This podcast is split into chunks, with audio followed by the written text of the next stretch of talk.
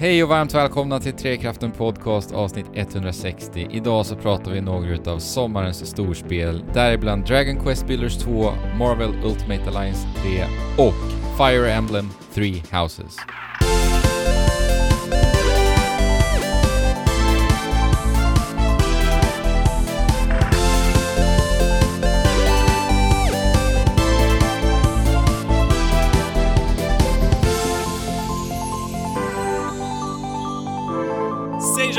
Bem-vindos ao este episódio especial de verão do Trekraften Podcast. Mas, por mim, está inverno. Que confusão. O meu nome é Fabian e eu não estou sozinho. Comigo também tem Alex. Ja, hej hej. Olá, Alex. Tudo bem? Oj. Eh, Ja, yes. Det här var ju en eh, annorlunda inledning, verkligen.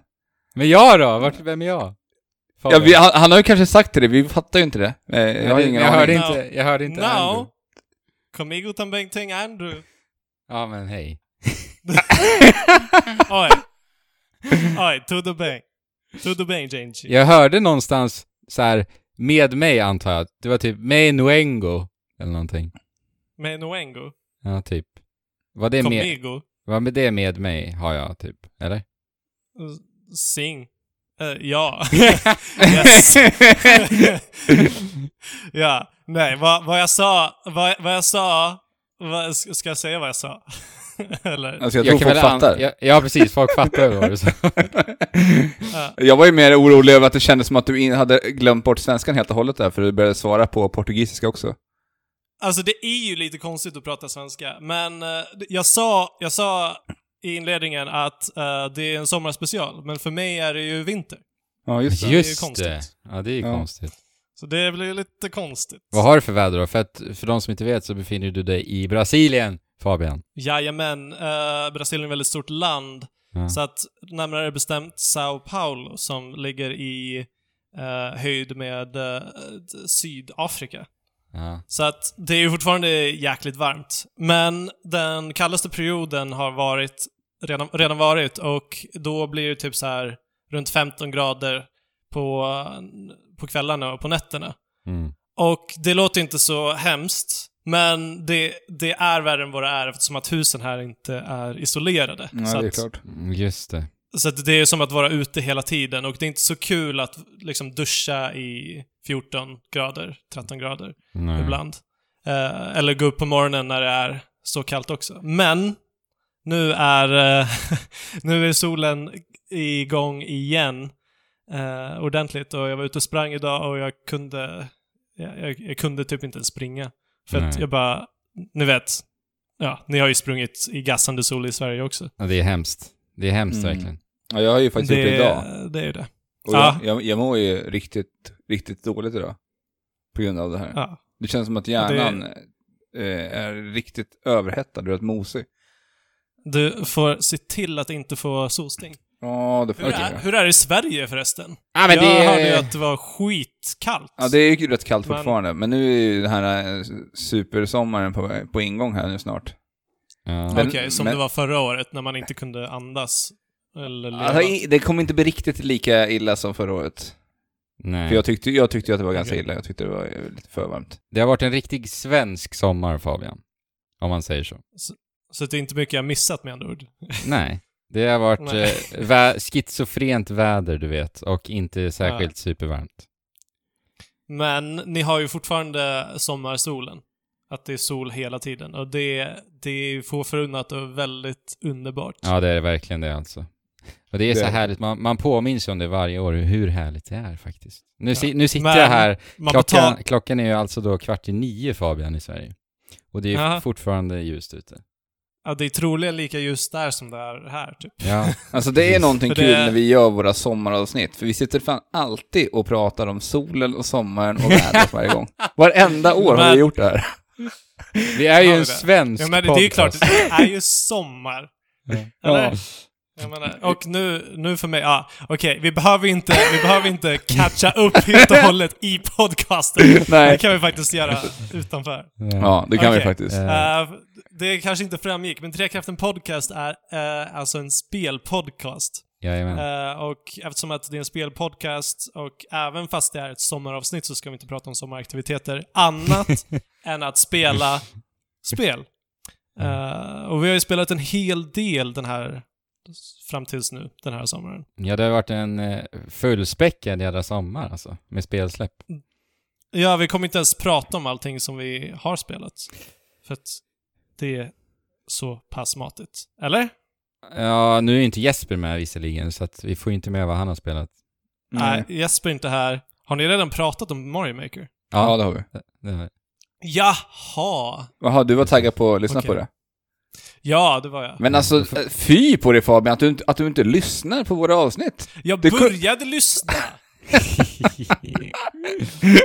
Men sen, alltså förlåt, men jag har varit jätte... Jag, jag har behövt prioritera att lyssna på portugisiska saker. Ja, det är klart. Ja, just det. Portugisiska spelpoddar. portugisiska. Men då kan du ju lyssna på dagens avsnitt i alla fall. Det vi spelar in nu. Ja, men det kommer jag göra. Men lyssnar du på portugisiska Ja. spelpoddar? Jag, jag har en spelpodd som jag lyssnar på, och sen lite eh, vetenskap. Och, Ja. Okej, har, har du någon portugisisk podcast Okej. att tipsa till våra portugisiska lyssnare? ja, alltså det, jag antar att det är eh, i alla fall Brasiliens största spel och nördpodcast överhuvudtaget, men eh, den heter jo Jovem Nerdgy. Mm. Eh, Nörd alltså någonting. ung, ung nörd. Okej. Okej. Så eh, de är riktigt roliga. Jag vill bara slänga ut till lyssnarna att om ni märker att vi pratar i mun på varandra lite här idag så kan ni väl då förstå varför. För Fabian sitter ju då alltså på, på andra sidan jordklotet och vi gör ju detta över internet. Och vi provade ju faktiskt Fabian lite snabbt här eh, inför det här avsnittet för att se hur uppkopplingen funkar. Ja, just det. Eh, och vi provade genom Splatoon, spela lite Splatoon. Ja, när det ändå var Splatfest så, så var det svårt att låta bli. Och det är inte vilken Splatfest som helst, utan världens sista Splatfest i eh, Splatoon 2. Exakt. The Final. Fest. Vad kallade de det? Splat... Splatocopoly... Splat... Splat... Splatocup... Sp Splatopocalypse. Splatopocalypse. Uh, apocalypse är ju redan ett svårt Splat- ord liksom. Men ja. Ja. Eh, det, precis, och eh, den här gången var det kaos versus ordning som, eh, ja. som fick stå upp mot varandra och nu ringer det. Uh, någonting ni ska vara väldigt glada över att inte ha ett, ett, ett brasilianskt nummer för att de ringer hela tiden Är det så? Vad- Vadå, och vill sälja saker. Försäljare? Okej. Ja. Men vadå, vad får Ja, du per dag? att- För att jag har rätt illa i Sverige här också, så vissa dagar är det så här 6-7 samtal per dag. ja, men det, det är så det är här. i Jäklar. alla fall. Men här har det till och med varit på nyheterna att folk är, är så arga att, folk, att de blir uppringda hela tiden. Eh, och de kan ha blivit uppringda liksom klockan fyra på nätterna typ. Nej. Det är inte, det är inte Eh, schysst. Jag har inte varit med om det, men eh, Ja. det är ett stort, det är ett stort problem här. Men Splatfest, kaos versus ordning. Det låter Ja. som en värld av kaos du lever i Fabian. ja. Ja, Valde du kaos? Precis, men jag vill, jag vill ju leva i en uh, värld av ordning. Ja. Så att... eh, alltså grejen är, jag, jag är ju lite, lite obeslutsam när det kommer till det mesta. Och i mitt liv, och hur jag liksom har mitt rum och grejer, det är kaos. Fast det är också min ordning. Ja. Ja. Jag menar, Andrew, han, Andrew skulle komma och se kaos liksom. Ja. Men jag vet vart jag har mina grejer och... Mm. Du har en plats Ja. för alla saker, även om det är ditt kaos. Ja men precis, så att det är ordnat kaos. På något sätt. Men jag valde ordning för att... Ja, varför valde du ordning, Andrew? Men vad vill tror du? Jag, det vill jag höra. ja, men, Du har väl svar på den frågan kanske? Okej, ja, jag vet ju det. Men, men berätta nu. Men jag lever ju i typ världens mest strukturerade hjärna. Mitt liv är typ som i ett rutnät. Ordning helt enkelt. Ja, vad hände annars? Annars så mår jag dåligt. Ja. Eh, Så att eh, folk som kommer hem till mig, om det skulle bli så att någon lyssnare gör det, så kommer ni se svar på detta. För det är väldigt, väldigt mycket ordning hemma hos mig. Det är ett rutnät, ditt hem alltså. Det, Ja, ja, det är precis som i Fire Emblem, eller Ja. som i Dragon Quest Builders, att man bara liksom kan ställa saker på en plats. Ja, ja. Och typ, eh, nu när jag Fan, spelat borde ju ha ett mycket- rutat golv ändå. Alltså där det är så här. då kommer jag ju... Det, fast det skulle vara dåligt för mig, för då skulle jag röra mig i varje ruta. Alltså jag skulle ta, jag skulle ta ett steg i varenda ruta. Och så måste du se till att alla möbler du köper också ska passa in i rutorna så att det inte är någon som hänger Ja, över just det, just det. Åh fy, det, Det kan det inte vara låter en jobbigt. halv ruta liksom. Nej. Eller det kan inte vara två saker i samma ruta i alla fall. Nej. Och om det är en liten sak så måste den ligga exakt precis i mitten. Mm. Okej, skaffa inte ett rutnätgolv. Andrew. Det låter som en väldigt dålig idé Fast för det, det, dig det själv hade ju varit dina... häftigt om någon hade gjort ett, liksom ett RTS-inspirerat, eller så här strategi-inspirerat inred, in, inredningsstil i hemmet. Ja. Där man har så här, antingen har man, eh, vad heter de här, eh, hexagonmönster eller bara rutnät i hela Ja. hemmet. Och få det att se jävligt Ja. snyggt ut. Det hade varit intressant att se. Jag skulle ju älska det. ja, men det är bara att ta Minecraft eller Dragon Quest Builders och uh, inspireras utav det. Ja. Och kan inte du göra det Andrew? Kan inte du bygga en, en, en liten stuga där du har din, din superordning? Mm, kanske vi gör det. Kanske blir mitt så här... eh, Sommarprojekt. Precis. Nej men jag tänkte så här sommarstuga i framtiden. Det får bli min lilla Som ska vara formad som en hexagon också. Hela stugan. ja. Ja, nej men eh, Kaos vann ju. Dessvärre. Gjorde om? Ja, Nej! jo. Nej! Så att vi får inte vårat Splatoon 3 där vi skjuter bläck i rutor, som vi sa. I, i rutnät. Mm. Alltså det, det är ju tråkigare att Kaos vann. Ja, hur tänker du då? Jag tänker att det, det är liksom så gjort. Ja. Det är så gjort. För att alltså, de kommer uppenbarligen göra någonting av det här. Det, kommer inte, det är säkert inte så jätteavgörande för Nej. någonting, men om det, om det skulle kunna lägga grunden liksom, alltså grunden för eh, nästa spel. Mm. Eh, liksom att nu kommer någonting vara kaotiskt istället för att, och vara ett problem istället för att det är väldigt ordnat och det är ett problem. Mm. Eh, men kaos, det ser vi ju överallt. Liksom. Jo, men menar, jag, jag förstår vad du menar. kaos är ju ondska. Ja. Eh, om, man- om man tittar på, på vad som är typiskt. ja, och jag menar Nintendo har, har ju redan varit duktiga på den typen av knasigheter. Alltså, jag menar Splatoon i sig är ju redan lite kaosigt och väldigt knasigt. Ja, Så, ja. ja precis. Ja, ja. Ja. Eh, det, jag visste faktiskt inte vem som hade vunnit ännu och jag blev lite ledsen nu för att tyckte att vi spelade väldigt bra. Bojkotta Splatoon 3. Ja. kaos. Inget kaos på mina gator. Men hörni, på tal om rutnät och strategi och allt vad vi pratar om. Ska vi inte hoppa in i lite vad vi har spelat då? Jo. Till sommaren. Jag har ju, jag har ju spelat, vi nämnde ju Fire Emblem här i förbifarten ju. Ja. Jag har ju spelat det senaste Fire Emblem-spelet. Fire Emblem Three Houses, som det heter. Tre hus. Tres casas. Alltså det här spelet är ju ett spel med så sjukt mycket system och allt vad det är va. Och jag känner att Ja. jag vill att ni hjälper mig lite att liksom dra ur information ifrån mig här. För att jag, jag kan tänka mig att jag kommer glömma Mm. en jädra massa. För att lyssnaren kanske vill få reda på någonting. Så kan ni lite agera den som kanske säger, ja men det där då, hur funkar Alltså förstår ni vad jag menar? Alltså, ja. Alltså, självklart ska jag ju försöka. Men det är ju svårt att fråga frågor som man inte känner till liksom. Nej, jag, jag, Och- jag tvingar inte Jag att gissar göra att du det, har en men- plan. Ja men jag har en Jag plan. gissar att du har en plan. Absolut, jag har en plan. Det, Jag det, jag har skrivit lite anteckningar, men jag märkte så när jag gjorde det, att jäklar vad svårt det är att göra det till ett spel som har så mycket.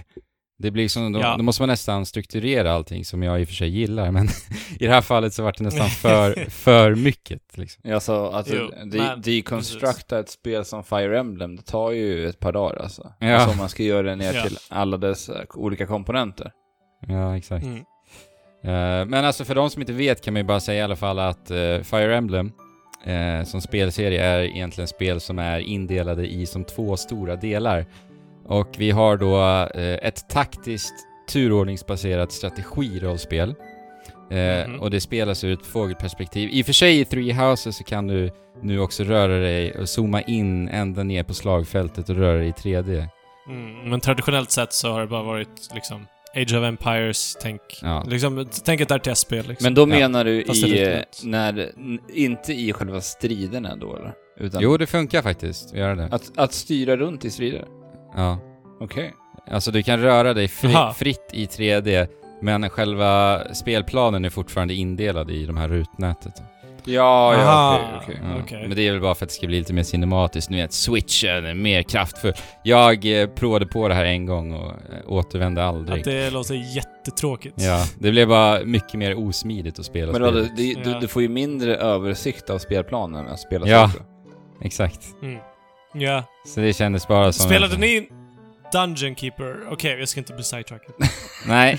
Nej, nu får vi inte bli sidetrackade för det, det Nej, här för tar... tar Fabian, lite jag märker på Fabian idag att han är verkligen Mr Sidetrack idag alltså. Jag har inte poddat på ett tag. Nej. Nej.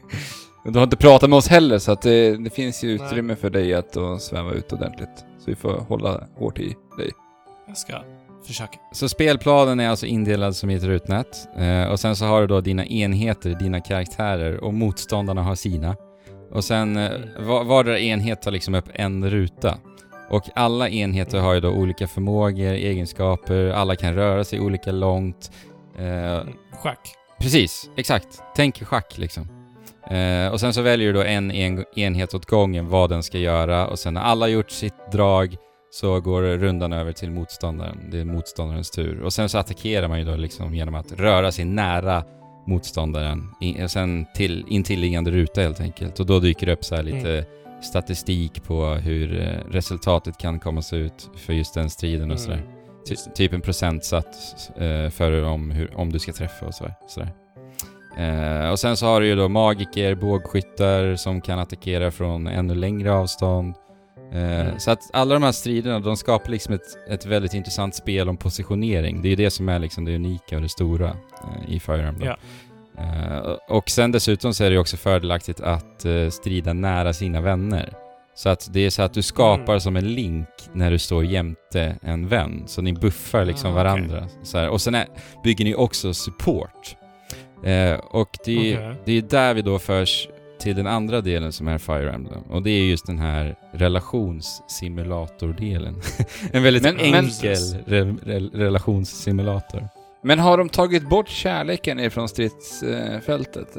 För att... Nej, nej, alltså som sagt, du kan bygga upp supporten även här om ni liksom strider jämte varandra. Och supporten är kärleken då? Alltså när du Ja. bygger Det- relation för att... Exakt, ja exakt. Ja. Det är där, Ja. där du bygger relation. Liksom.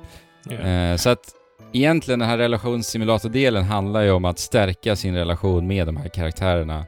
Eh, och också stärka dem liksom i striden. Och inte bara liksom relationen i sig. Så att man, man stärker relationen för att de ska bli mer effektiva ute på fältet också. Men det är inte, det är inte så här relationssimulator som att du flörtar och försöker eh, få någon att bli din partner Nej, eller något. nej. Eller? Nej, nej, nej.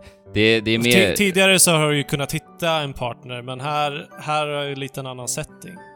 Ja, alltså du kan fortfarande göra det. Eh, för var, Ah, okej. varje relation har ju olika eh, stadier. Alltså du kan, du börjar på bokstaven C, sen kan du ta dig upp ända till S. Så det blir, vad blir C, Mhm. D, A, C, D, B, A, S eller vad det nu är. Eh, och för att liksom låsa upp nästa rank så kräver det att du, att du umgås med dina karaktärer. Du bjuder dem på Mm. te.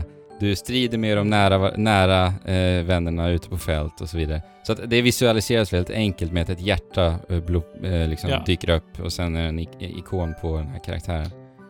Det är liksom poäng som man bara bygger upp Ja. genom olika aktiviteter. Och, och, sen, Men- och det du låser upp när du går upp i rank i, i relationen är en mellansekvens där de eh, konverserar med varandra. Så det är så man liksom... Är det intressant? Är det intressanta konversationer som de har? Det är det.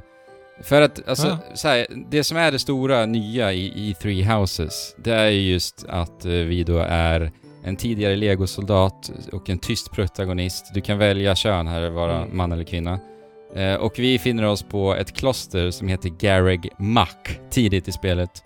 Och, Mm. och här blir vi då tilldelade professorskap för att undervisa elever i ett utav Mm. de här tre husen. på den här akademin då, som, som finns på klostret. Eh, Hogwarts. Ja, väldigt mycket Hogwarts. Det känns väldigt mycket så och det är väldigt härligt alltså.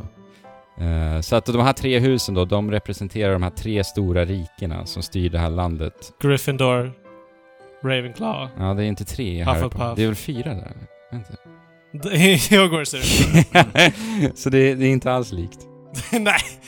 Nej. Eh, och i det här landet Fodland då så är det kyrkan som styr. Och det är då Church of Seros. Och det är Garrick McMonaster, det här klostret, är ju då alltså dess huvudbas också. Eh, så det är liksom huvudreligionen i det här landet. Och deras uppgift är egentligen att liksom upprätthålla ordningen i, i landet. Eh, och på, på den här akademin så går de här rättmätiga arvingarna och studerar, de tränar för att i framtiden liksom ta över som ledare eh, för varje rike då. Eh, så att du ska välja ett av de här tre husen att undervisa. Det är det man, så man är alltså professorn över ett utav de här husen.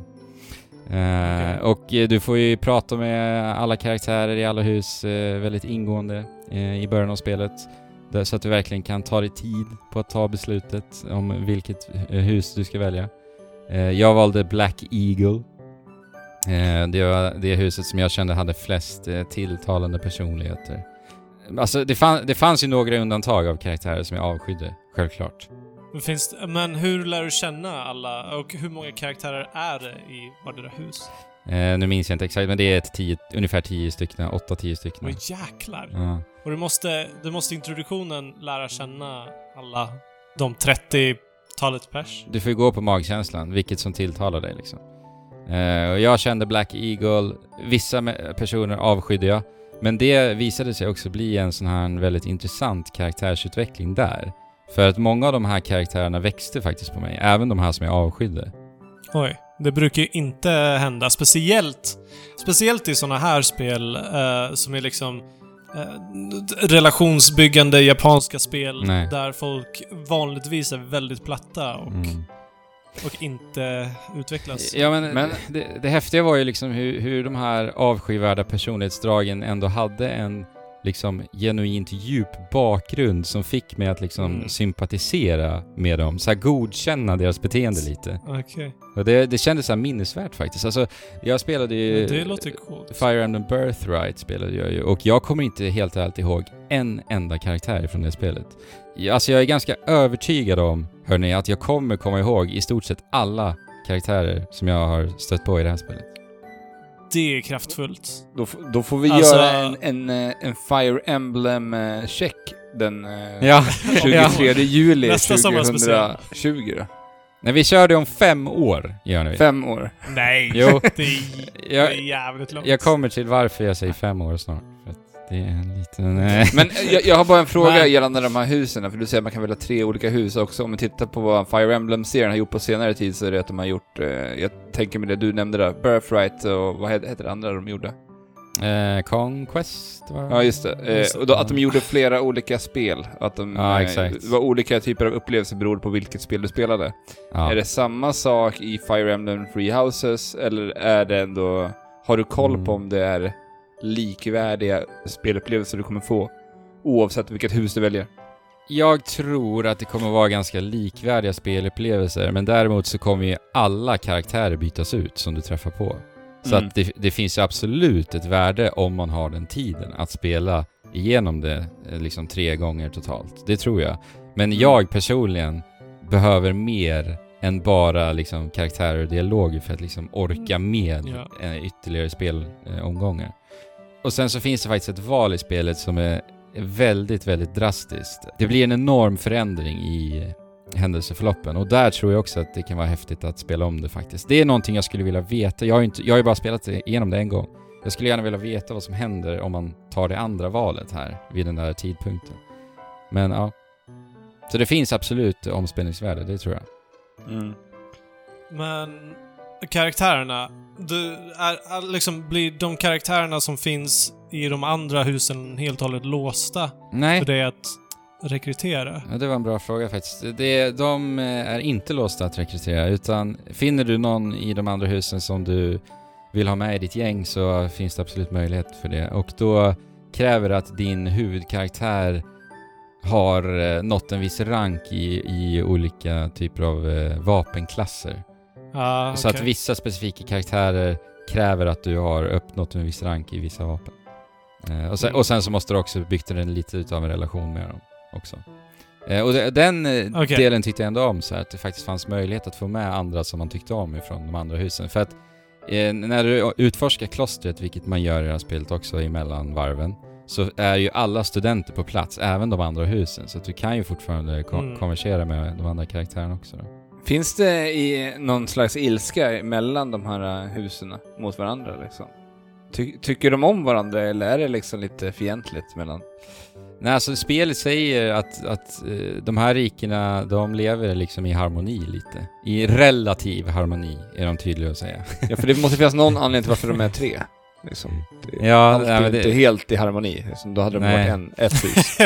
Nej men alltså, be berättarmässigt så här tidigt i spelet så, så märker man också att det är någon så här mystisk flicka som börjar dyka upp i ditt sinne eh, hos protagonisten då.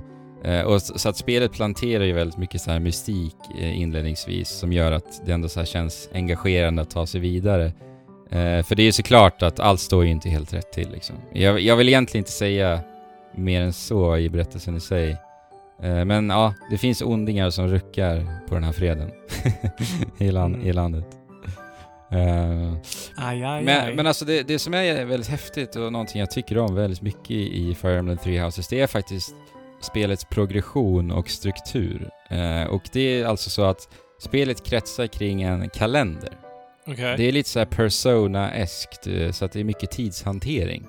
Eh, Så att du får, Right. du får ett schema över eh, den eh, kommande månaden. Så varje uppdrag är indelat i månader. Ah. Och varje månad avslutas då med ett uppdrag eller någon, någon form av stor händelse. Eh, så att det handlar väldigt mycket om att du ska planera vad du ska spendera din tid på. Varje söndag, varje månad, så har du någonting som heter free time. Och här kan du då välja att antingen utforska klostret, du kan gå på seminarier, du kan strida och du kan vila. Eh, och när du, Okej. när du utforskar klostret så gör du ju det i en 3D-miljö helt fritt. Eh, superhärligt. Eh, och här då, det är här du som mest bygger upp din relation med karaktärerna. Så att eh, här, Mm. här kan du bjuda dem på middag som jag sa, du kan bjuda dem på te, jag tror jag sa det förbi, förbifarten där också. och då blir det något så här Mm. bisarrt, eh, typ gissningsspel av något slag där det kommer upp lite så här start på meningar, typ tre olika val. Och sen så ska du typ så här Ah. gissa vad den här karaktären eh, finner, intress- finner sig intresserad av att konversera om typ. Alltså det, det finns typ ingen logik i det, tycker jag. Jag bara... Nej, det ska ju vara tvärtom. Att, att, det, att det är studenterna som vill försöka få en bra relation med professorn. Men du, du, sa att, Men, du sa att det var under free time som man levlade upp mest. När man springer runt här. n- Nej, bygger nej, relation. ja, bygger relation mest. Okej, Under- bygger relation, okej. Ja, n- när du utforskar klostret. Eh, om, du Okej. väljer, om du väljer att göra det på din free time. Eh, Mm. så att, och det gör du ju genom att som sagt bjuda dem på te eller gå med dem på middag. Du kan sjunga med dem i kör också, ge dem gåvor och massa saker. Eh, och sen så kan du också strida med dem i så training grounds för att också mm. få dem att eh, öka sin skicklighet i specifika vapen och lite extra belöningar. Man kan fiska, det är också ett fiskminispel såklart. Jättesimpelt. Såklart. Ja. alltså, fiskeminispel.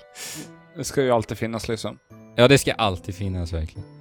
Eh, sen så är det ett jättesimpla så här, sidouppdrag, typ jättetråkiga fetch quests. De gav mig ingenting egentligen. Jag gjorde det för att få liksom belöningen. Så här. Ja. Men allt det här du gör eh, i, när du utforskar klostret, det ökar också din professor-level. Så du har en professor-level också. Och den gör att du låser upp aktivitetspoäng. Så att Mm. alla aktiviteter du, du gör på klostret, inte alla förlåt, de flesta, kostar alltså en aktivitetspoäng.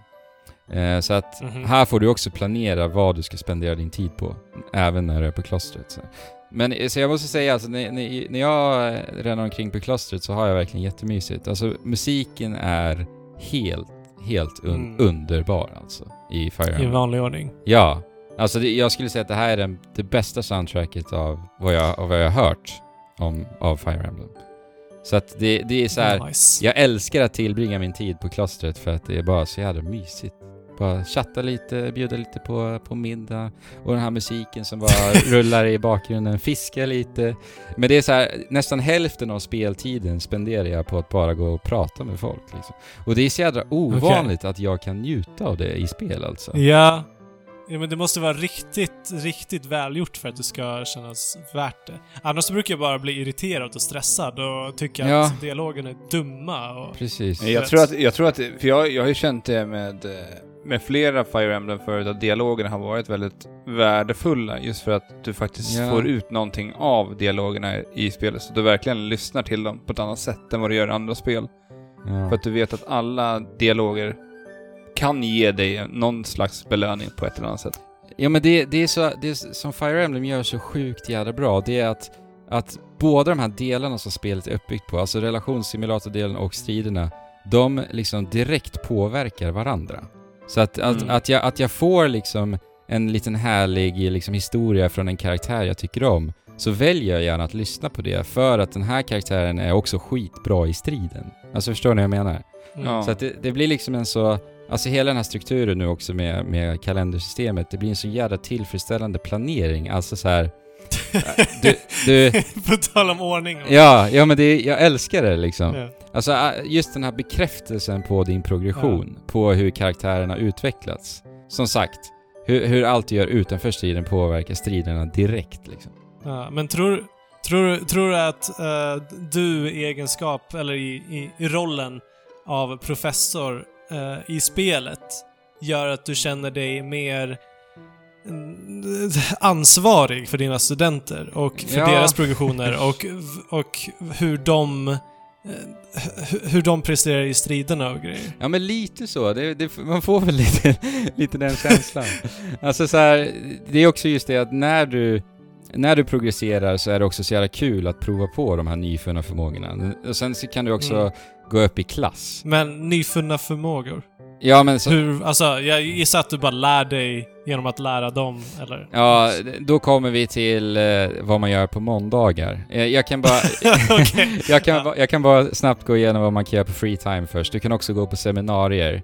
Mhm. Och det är så här, då har, är det andra lärare som undervisar i specifika ämnen och sen så är det då de karaktärerna som närvarar där liksom eh, får upp eh, olika färdigheter i till exempel magi eller Ja, okej. svärd eller liksom vad de är specialiserade på. De går på ett magiseminarium liksom och så. Ja, sökas. Ja. Ja. Eh, och sen så kan du också strida. Eh, och här så kan du också gå iväg på eh, lite sidouppdrag som heter Paralogs i Fire Emblem, eh, klassisk Fire Emblem. De har ju hetat det alltid. Eh, och det är lite så sidoberättelser med vissa specifika karaktärer. Det kan vara att de vill ha hjälp med liksom något personligt problem eller så. Eh, och sen så Mm. finns det också sällsynta monster där du kan levla ganska rejält. Och Rest är att där ökar du motivationen på alla karaktärer. Och vad är motivationen? Ja, då kommer vi till måndagen. Måndagen. Så på måndagar, då instruerar du alla dina elever och undervisar. Okej. Och här så sätter du upp ett mål för varje karaktär. Det här måste man inte göra ska jag säga. Du kan antingen välja att instruera ma- ma- manuellt eller automatiskt. Så att här får man liksom göra ett val. Vad, vad tilltalar dig som spelare? Jag väljer att göra det här manu- manuellt, för som sagt, jag, jag tycker den här Mm. planeringen är jättetillfredsställande. Det känns som det rätta sättet att spela spelet också. Ja, det känns verkligen. Så att det finns väldigt mycket utrymme för minmaxande här, ska jag säga.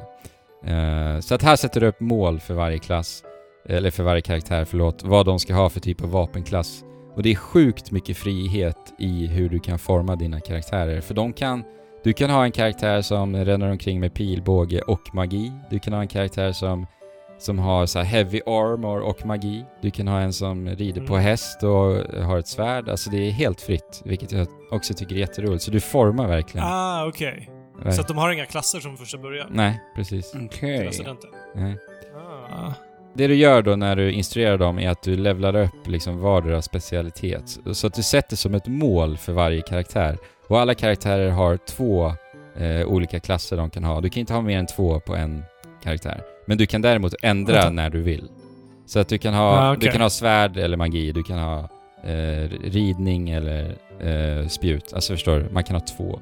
Men vänta, okej. På, mån- på måndag så instruerar du dina, dina elever. Ja. Instruerar du alla elever? Har du liksom privatlektioner med var och en? Eller håller du en hel lektion för alla i magi liksom? Eller? Nej, där återgår vi till professor-leveln. Så att eh, så, så hög professor-level du har, så många karaktärer kan du instruera. På samma gång? Samtidigt då eller? Nej, en, en, Nej. en åt gången. Okej. Okej. Ja, varje måndag? Varje måndag precis. Alltså ni, det är så mycket system i det här spelet. Eh, och, och för att instruera så krävs det också motivation, som jag sa. Ja. Eh, och Och det fick man motivation... av sova? Det är, om du väljer att sova på söndagar så eh, ökas motivationen på alla karaktärer, men du kan Jag tänk om det också... vore så i livet alltså. att motivationen automatiskt ökar när man sover. Ja, och bara så här, fan nu har jag, nu har jag det tufft alltså. Bara gå och Ja. knappa och så vakna med full motivation liksom. Ja. Ja. Livet hade varit enkelt. ja, det hade varit så nice. Ja. Men eh, du kan också öka motivationen genom att umgås med dem. Du ger dem eh, gåvor och liknande. Så att när du utforskar klostret så ser jag nästan alltid till att motivationen är på topp också. Så att, så att det där Men- vila eh, valet har jag aldrig använt för det känns helt, Jaha, helt hållet ja. Onödigt faktiskt. I så fall så känns det, ja, det känns jätteredundant. Ja. Eftersom att då, det är liksom den lata vägen att gå om du inte orkar göra någonting och bara vill progressera, antar jag. Ja, ja, verkligen. Eh, men, men du, får, du förlorar ju på att göra det i så fall. Mm. Ja, nej men jag, jag, jag älskar ju det här alltså, det, för det är ju här, du bygger din lilla armé, helt enkelt. Vad händer resten av veckan? Ja, bra fråga. Då är det, lek- då är det Resten av veckan är det alltså lektioner, så att det är snabbspola, så ser du att dina elever sitter och pluggar ända fram tills eh, fredagen, då brukar det vara ett litet event som sker och sen Ja, alltså det beror ju på också vad som händer i berättandet. Det är ju inte alltid exakt så här. Men, Nej, nej, okej. men det är... eh, Men- Allt som allt så är det ofta söndagar, free time, måndagar instruera och sen så händer det lite events och sånt på veckan. Okej, men Okej. Som, som strider och så kan hända mitt i veckan då också eller? eller är det- Striderna, striderna är framför allt det här eh, som händer i slutet på varje månad. Alltså det här Okej. uppdraget Ja, okej. eller... Okej. Ja. Eh, Men Men, slutet på varje månad, då, då kommer fienderna. ja.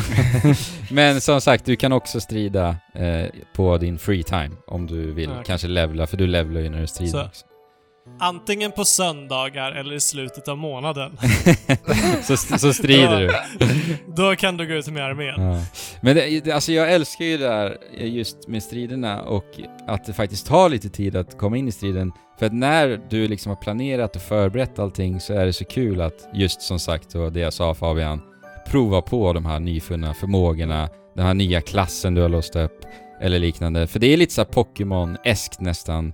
Eh, Ja. Där du liksom ev- evolverar dina, dina studenter in till en ny klass.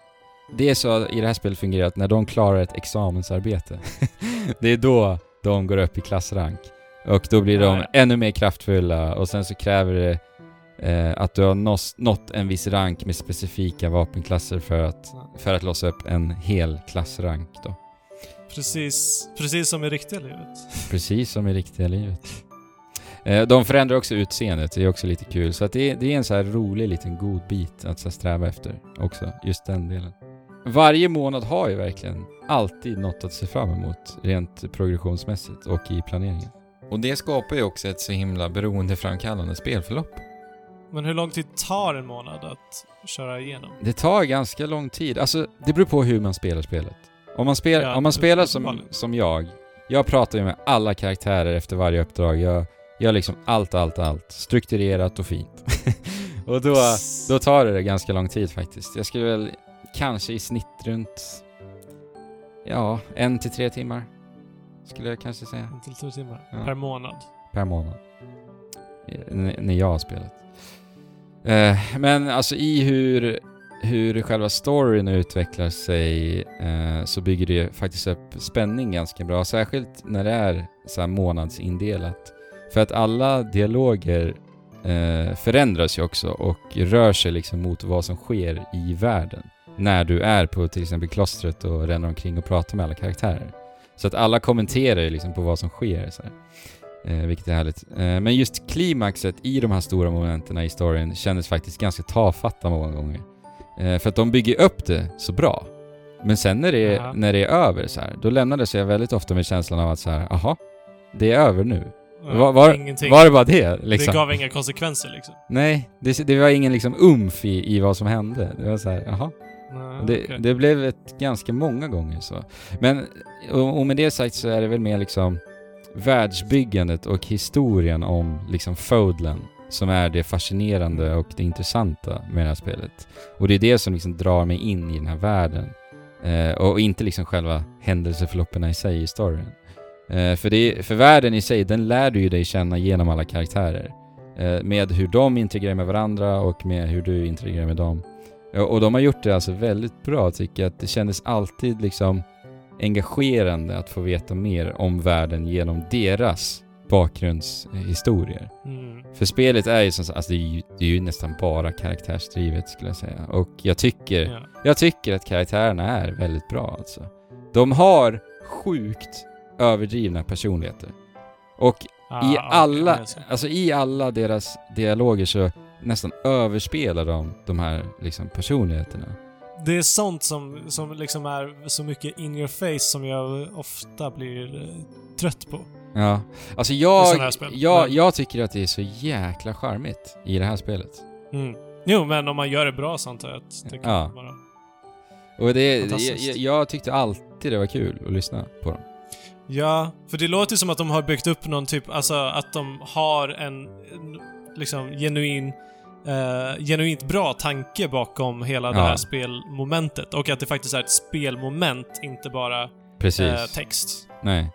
Nej men det, det känns... Och då, då, då måste man ju vara tydlig eh, med vad det är för karaktärer, antar jag. På Jo, något sätt, för att göra det enkelt och överskådligt. jo precis. Och just, just också att karaktärerna är så extremt eh, liksom sammanvävda med världen också så här. Det är väldigt så här, tydligt Mm. att den här personen kommer härifrån. Så att genom att, du, som jag sa, att du lär dig känna karaktären så lär du också dig känna hela världen.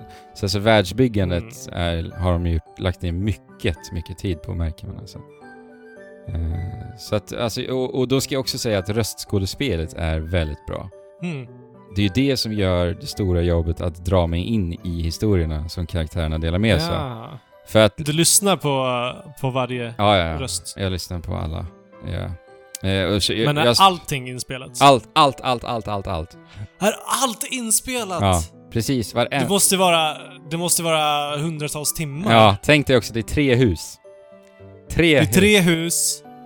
Ja, jag inser ju att det är ju där resurserna har lagts i det här spelet. Ja. Det måste ju vara det alltså, för det är galet mycket dialoger.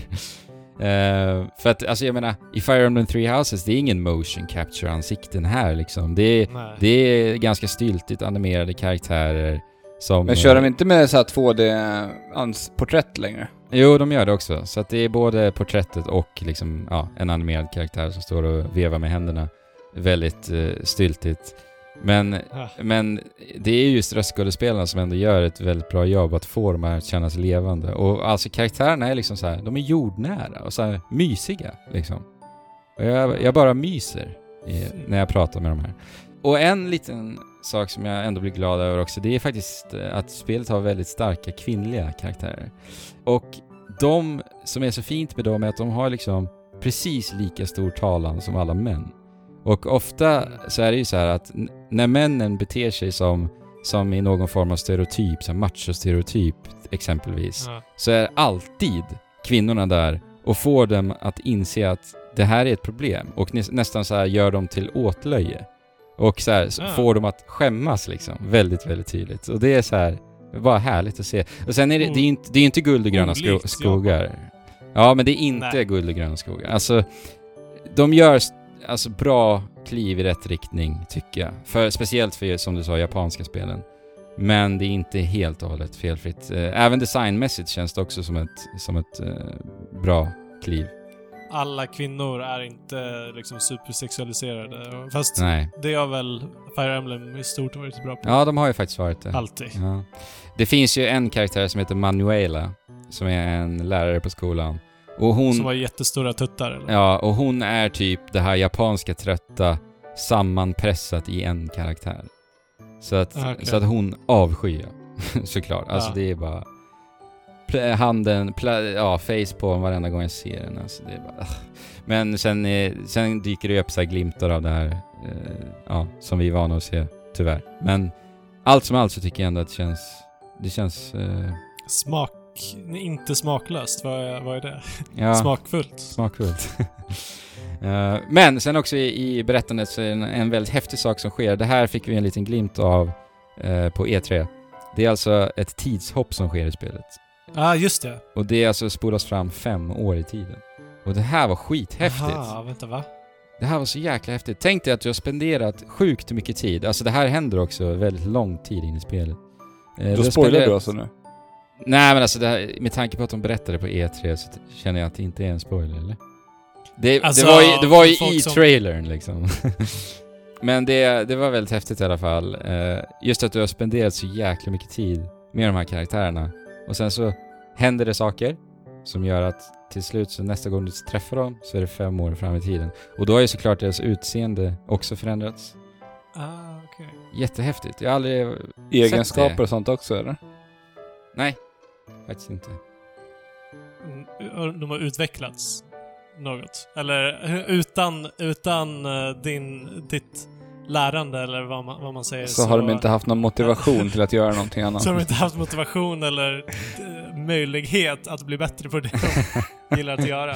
Nej, nej, alltså personlighetsmässigt så tycker jag att de har utvecklats. Det finns en karaktär Okej. i Black Eagle som jag inte alls tyckte om innan där. Sen när vi hoppar fram fem år i tiden, då tyckte jag om den här personen. Han hade väl hittat sig själv då. Ja. Ja, Genomgått Ja. en spirituell resa. ja. ja men det var lite Snyggt, häftigt faktiskt. men det finns ju också någon annan typ av eh, tidsresande mekanik i det här spelet vad jag vet. Uh, permadeath Mm? i... så Det, det har ju alltid funnits i Fire Emblem och Ja. nu när du har de här... eh, de här dina protegéer under dina vingar eh, som du också då som sagt är ansvarig för, om de dör, vad händer? Ja, det är, det är tack och adjö. Tack och adjö. Om du spelar, ja. om du spelar på Classic då. Eh, så, Ja. så du kan ju välja om du ska spela på Casual, där de, ja, kommer tillbaka om, du, om de dör i strid, efter striden. Ja. Eller Classic då, så är det Men du spelar per- på Classic antar jag? Ja, ja. Eh, jag, Ja. jag spelar på normal och classic. Det är alltså normal och hard och det jag kunde välja på. Och jag är tyvärr ledsen att meddela att spelet är väldigt, väldigt lätt på normal. Är det? Ja, det är super, super enkelt.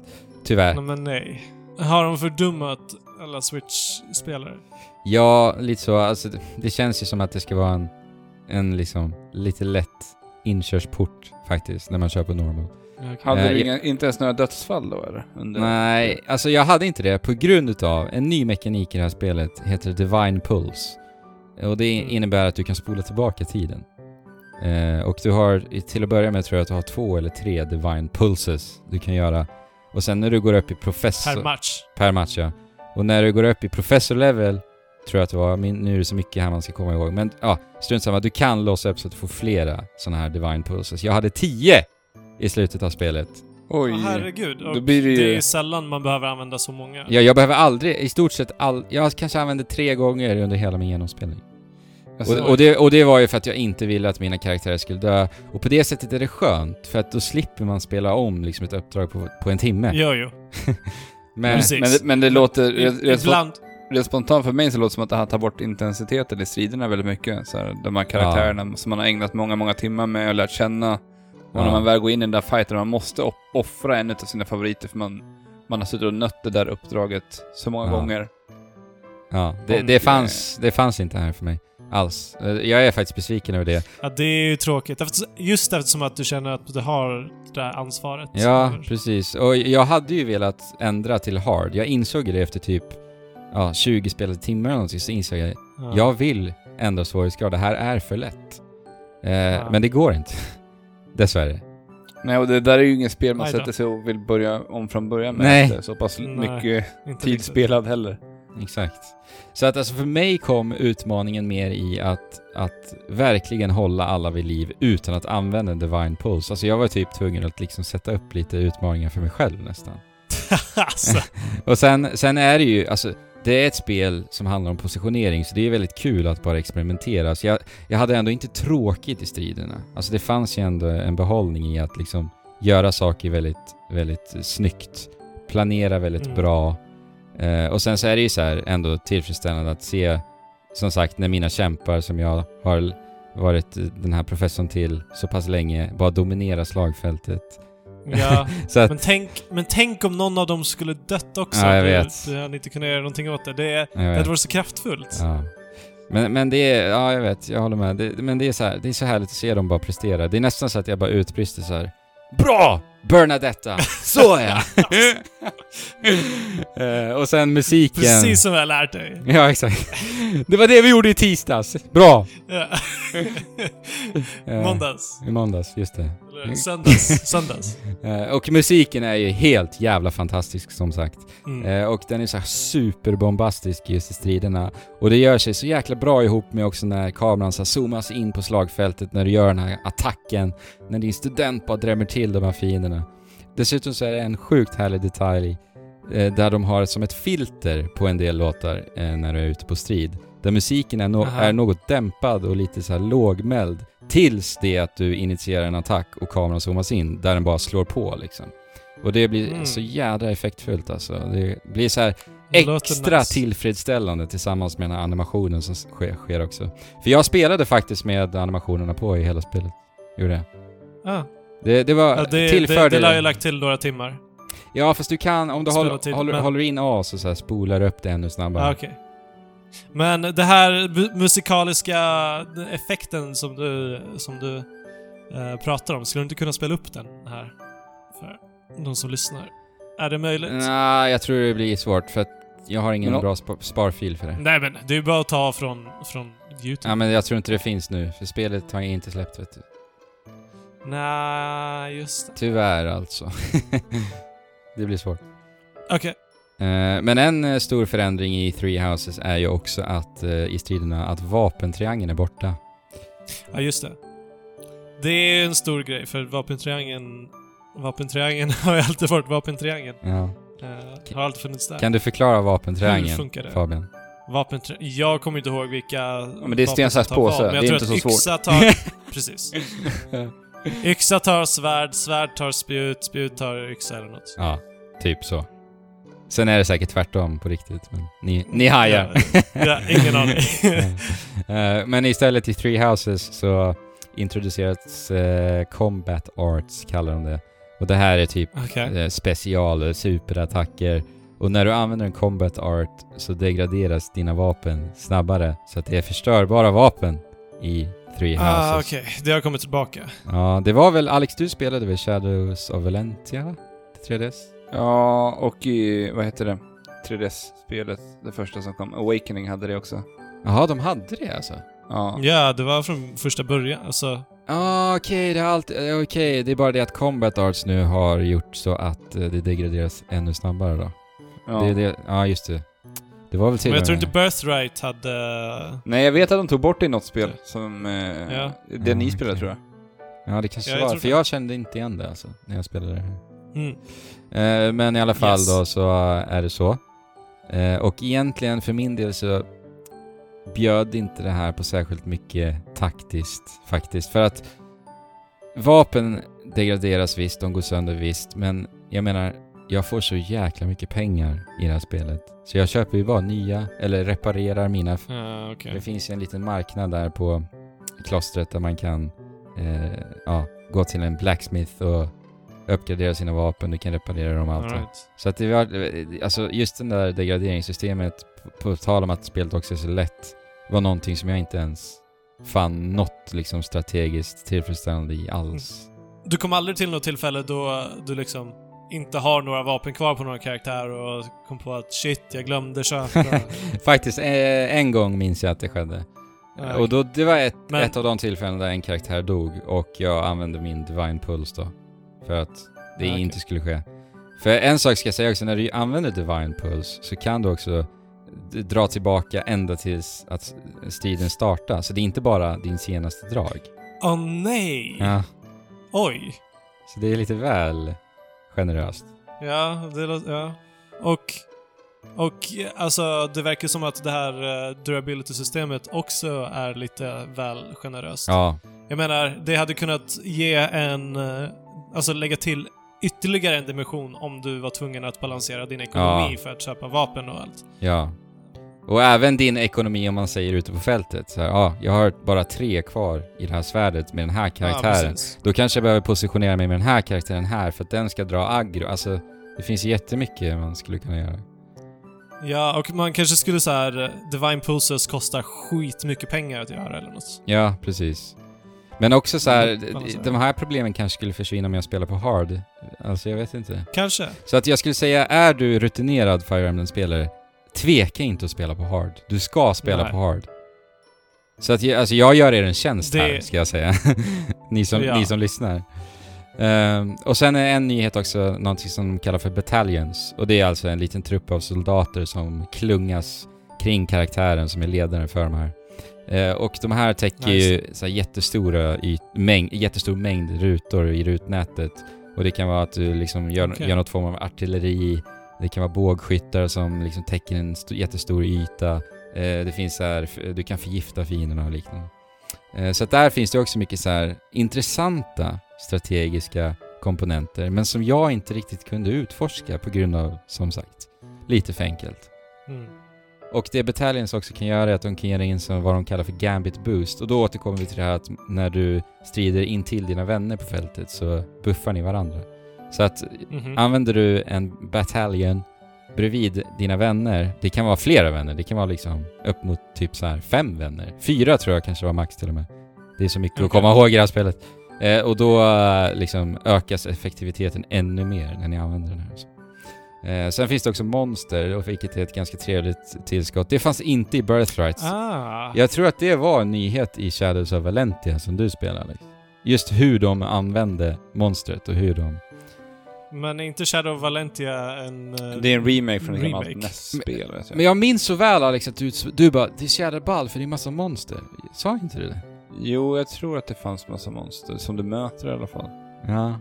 Ja, men du spelar väl inte NES-versionen så att... Nej, jag spelade 3DS-versionen. Nej. Men, Ja. men i alla fall, ett monster tar ju upp fler än en, Ja. en ruta. Eh, Mm, och om du, nice. om du använder... jo, nu kommer jag ihåg. Det fanns monster i det där spelet. Ja, jag har för mig det. Jag minns så väl att du nämnde det när du spelade. Eh, ett monster tar upp mer än en ruta och uh, där kräver det nästan att... Ja, nu spelar jag på lite för lätt svårighetsgrad men... man, det, det är ju liksom... Man märker att det är strategiskt uppbyggt för att här ska du använda battalions. För att om du använder en battalion på ett monster så drar du aggrot mot den karaktären som använder den. Så att det, monstret kommer liksom bara gå för den karaktären. Så där blir det väldigt så här, intressant och hur man ska positionera sig för att ta ner de här. För det är som en sköld, vardera ruta på monstret är som en sköld. Så först ska man ta ner skölden med en bataljon och sen ska det in och liksom dra, drämma till dem. Eh, bossarna var ändå, det var ändå så här en liten kul eh, variation faktiskt. Och det var ändå relativt eh, stor variation på dem. Kanske inte efter liksom när du börjar närma dig slutet på spelet, då kanske du har sett lite väl många Demonic Beasts, men det var ändå kul att upptäcka dem. Eh, och sen så när man strider så går man också upp i level, det har jag inte sagt men det är så här, det är väl underförstått. Mm, ja. Du ökar stats på, på allt. Eh, och någonting så här som jag tycker så jävla mycket om med Fire Emblem, det är faktiskt ljudet när du går upp i level. Det är så jäkla tillfredsställande. Ni vet såhär dö, dö, dö, dö, dö. Jag älskar det alltså. Ah, Och faktiskt, Okej. Fire Emblem har så jävla bra ljudeffekter överlag alltså.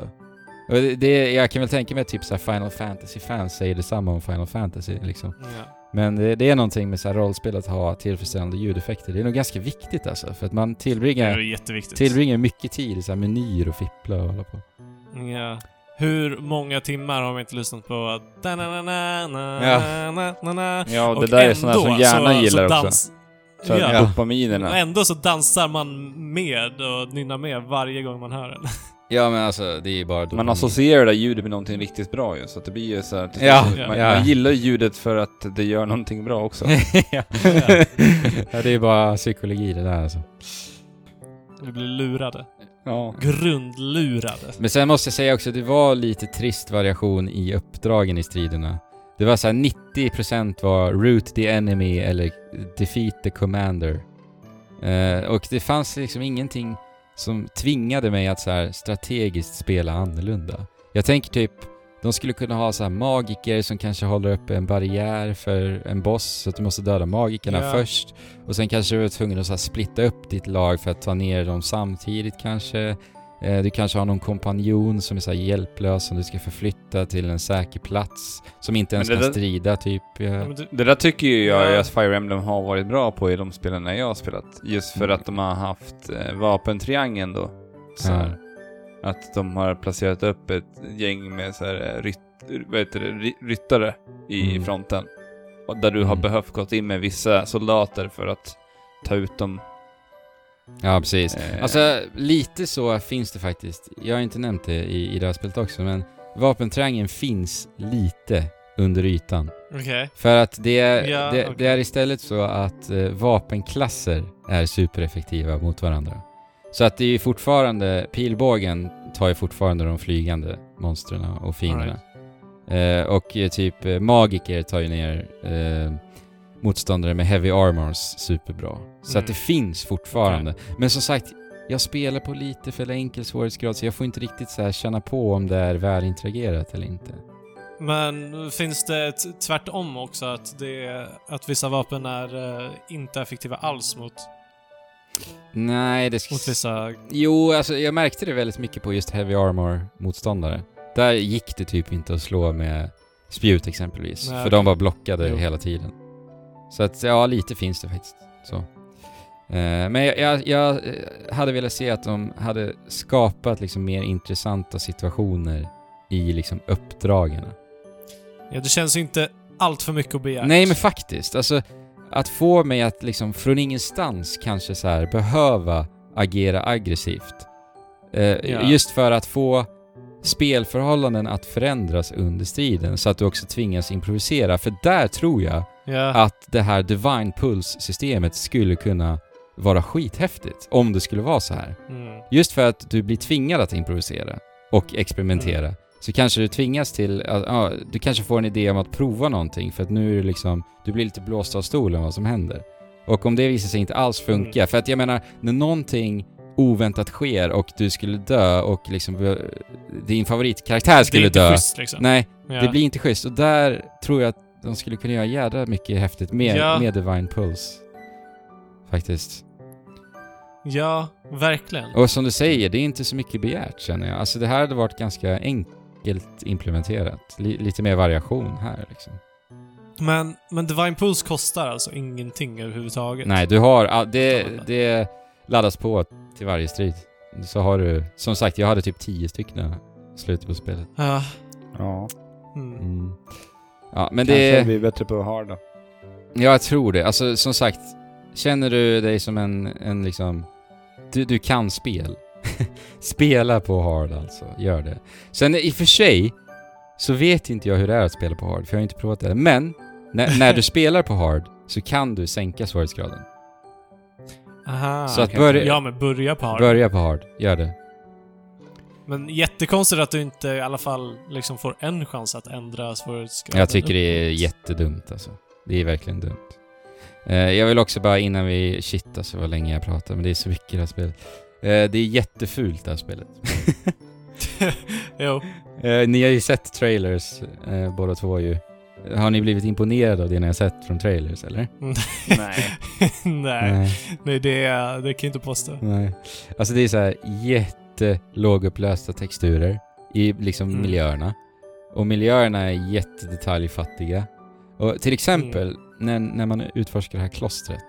Om ni tittar upp i molnen i skyn så ser, då möts ni liksom utav typ utsmetade, pixelerade, vita typ så här bordsunderlägg som bara flyter som en jävla platt, Va? platta. Va? Och alltså du vet, det, det här upptäckte jag typ första dagen jag spelade spelet.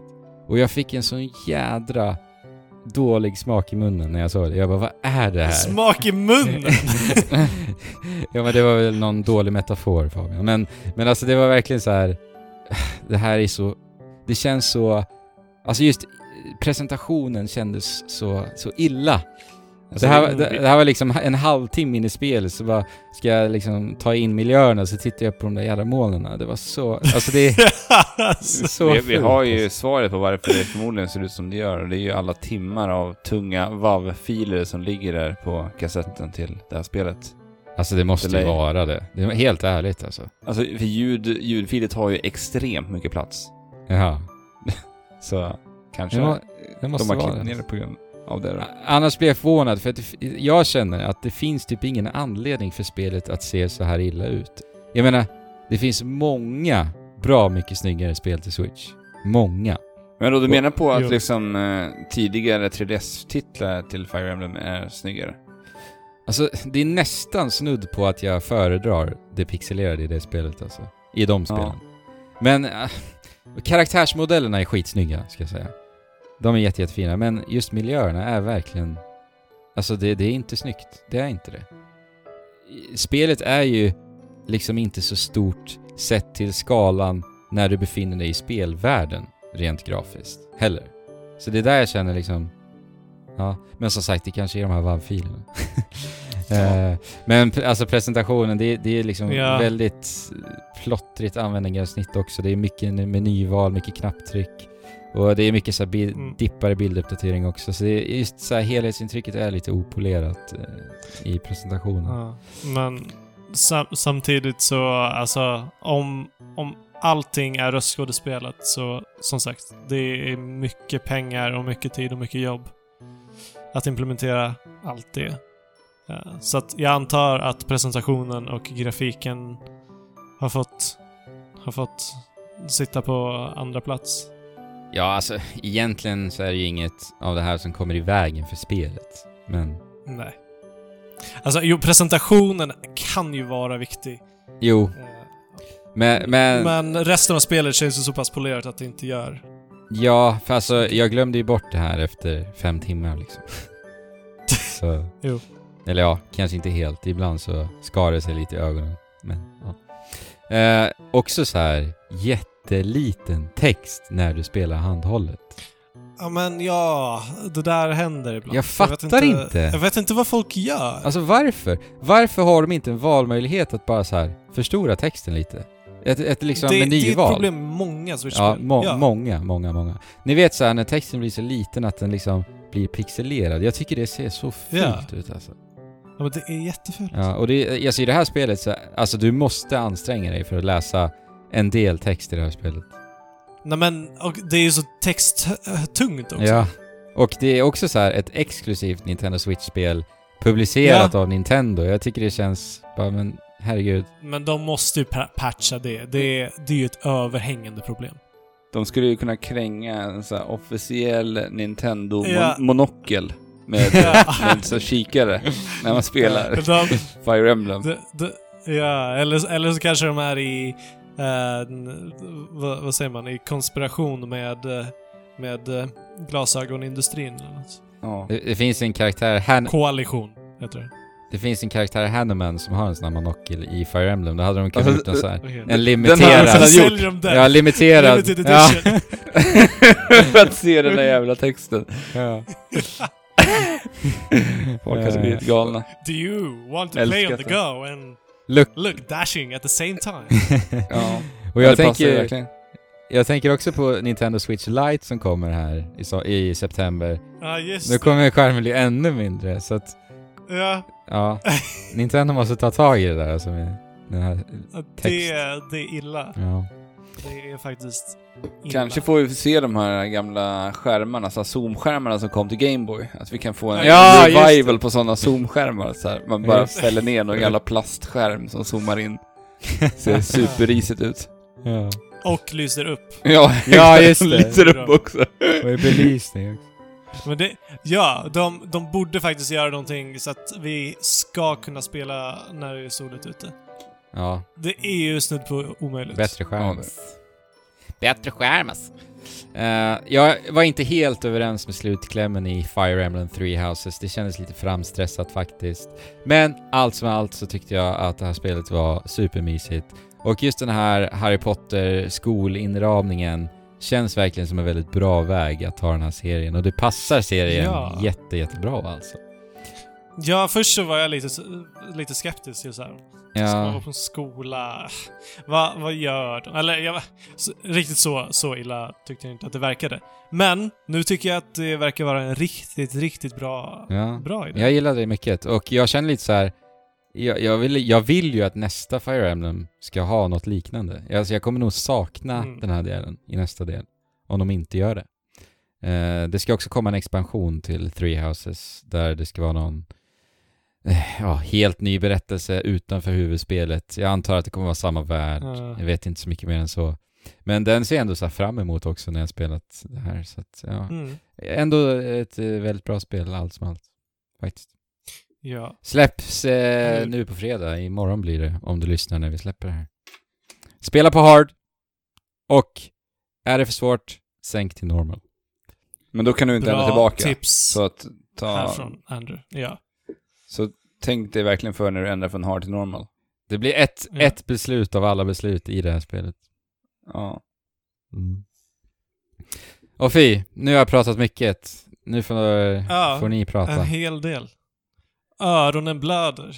Ni har väl också spelat något så här rutnätsindelat spel? Ja, jag har ju spelat eh, ett spel eh, som är lite mer öppet än Fire Emblem. Men eh, där hela världen är ett stort, stort rutnät i tre, i tre dimensioner. Det är kuber, kuber, kuber, kuber överallt. Mm. Kanske molnen är Eh. uppbyggda av kuber då? Ja men det är det är det nog. Eller så tänker jag på Minecraft. Mm. För att det, Ja, de det ser ju väldigt mycket ut som Minecraft och de har eh, block till moln. Också. Men Dragon Quest Builders 1 eh, spelade aldrig jag. Men eh, det var då, det då vi blev introducerade för det här konceptet att Mm. eh, spela Minecraft fast med eh, Dragon Quest-stil och Dragon Quest-setting överlag. Mm. Ja. I någon, i någon RPG-inramning då också. Exakt, exakt. Eh, för de som inte vet, jag tror de flesta vet vad Dragon Quest är. Ja. Det, är, det är alltså den serien som, som konkurrerade väldigt mycket med Final Fantasy när det begav sig till NES. Eh, och JRPG verkligen började... Och det var ju Enix, stor. Enix stora spel de hade på den tiden. Precis. Just det. Eh, och det är ju väldigt, väldigt lättsamt spel. Eh, har det alltid varit. Och det, ritningarna är gjorda av Akira Toriyama, så att allting ser ut som Dragon Ball. Mm. Om du känner till Minecraft och känner till Dragon Quest så kan du väldigt lätt tänka dig hur det här ser ut. Så att till skillnad från Minecraft så är alltså karaktärerna och monstren eh, i det här spelet inte uppdelade i block. Utan de har sina, sina slanka 3D-modeller. Jag har inte ens tänkt på det. Eh, även, även objekten som du bygger. ah, okej. Ja, typ sängar och sånt. Ja. Just det, det har jag inte Ja. heller tänkt på faktiskt. men men det, alltså allting är ju fortfarande uppdelat i eh, block och det, allting går väldigt bra in i, i, hela, i hela världen. Det är egentligen bara liksom geometrin som är block, eller? När du bygger och så. Ja, precis. Alltså du bygger... eh, Precis som i Minecraft så liksom kan du, så, så har du stenar, eh, eller så, du, du har jord som du liksom tar bort Ah, ja. Och Mm. lägger ditt inventory. Sen så kan du lägga det. jordblocken, för att allting, allting är som sagt rutnät, allting är block Mm. eh, i det här spelet. Men det här spelet är gjort utav Koei Tecmo och Square Enix till PS4 och Switch. Kan vi börja med att säga. Är Koei Tecmo med där också? Ja, det är de. Jag tror att det är de som har utvecklat det mest. Jaha. För att de är också med och utvecklar Fire Emblem Three Houses med Intelligent Jamen. System. Då blir det en kombo.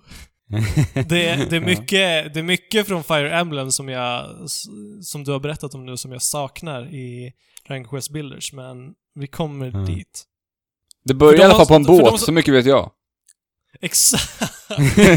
Eh, för, de, för, de, för de som har spelat Dragon Quest 2 så, eh, så är det här, så utspelar det här sig efter Dragon Quest 2, men jag har ingen aning vad som händer där. Vadå, Men, efter Dragon Quest eh, 1 det har menar du? För nu säger du Dragon Quest, att det är efter Dragon Quest 2. Ja, Du menar att det är efter efter? Dragon Quest 2. Vadå, alltså RPG-spelet? Ja. Jaha, okej. Jag tror inte att det här är kopplat till Dragon Quest Builders 1, liksom lore-mässigt. okej. Okej. Okej. Eh, men jag, som sagt, jag vet inte för jag har inte spelat Dragon Quest 2. Men det är vad jag har läst mig till och liksom allting, hela settingen utspelar sig eh, liksom i, in the aftermath av vad som hände i det spelet Ja, på något sätt. okej. Eh, det börjar med att vi vaknar upp på en båt, som sagt. Exakt, Alex. Mm. Vi, vi är alltså tillfångatagna av monster som är följare av eh, The Children of Hargon. Mhm. Som är då en sekt, en religion som, eh, som hatar kreativitet och hatar att bygga saker. Det låter ju Jo. kul. Och den här, children, den här sekten, då, eller religionen, jag vet inte vad man ska kalla det, men de har kuvat hela mänskligheten här. Så att ingen gillar att bygga varken monster eller eller människor. Men det är där den här båten kommer, kommer in i spelet och den karaktären som vi väljer att spela som. Eh, jag har döpt min karaktär till Frank Frank. och det är en kille. Mm. Du kan döpa den till vad du vill och eh, spela som eh, en kvinnlig motsvarighet. Alltså, i- där, där måste jag ändå säga någonting. Vi har ju spelat det här i ett par timmar, Dragon Quest Builders. Och jag tycker ju att själva karaktärseditorn var ju under all kritik alltså. Jag hade ju velat göra Ja, du kan saker. inte göra någonting överhuvudtaget, men det, det, det kommer in senare. Alltså, du, du, du får... Jo, jag, Genom att göra vissa saker i spelet. Ja, jag vet. alltså det, Det det, var, det var tunt på vad man kunde göra med frillan och... Det enda du kan göra är att byta färg på ögon och hår, Ja. tror jag. Det är tunt. Ja, alltså anledningen till varför Children of Hargon hatar byggande, ska, ska, kan jag spoila den? Den Ja. kom ju på båten i början. Kör alltså. Kommer den? Vad, vad, hur, vad säger de då? Nej, men jag antar väl att de berättade i början. Ja, nej, ja, jag, jag vet inte, det, det kommer lite senare, det, den förklaringen som jag, jag fick. Men, ja, ja.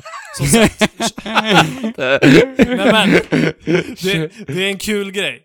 Det är bara en kul grej. För att enligt dem så leder, vad säger man?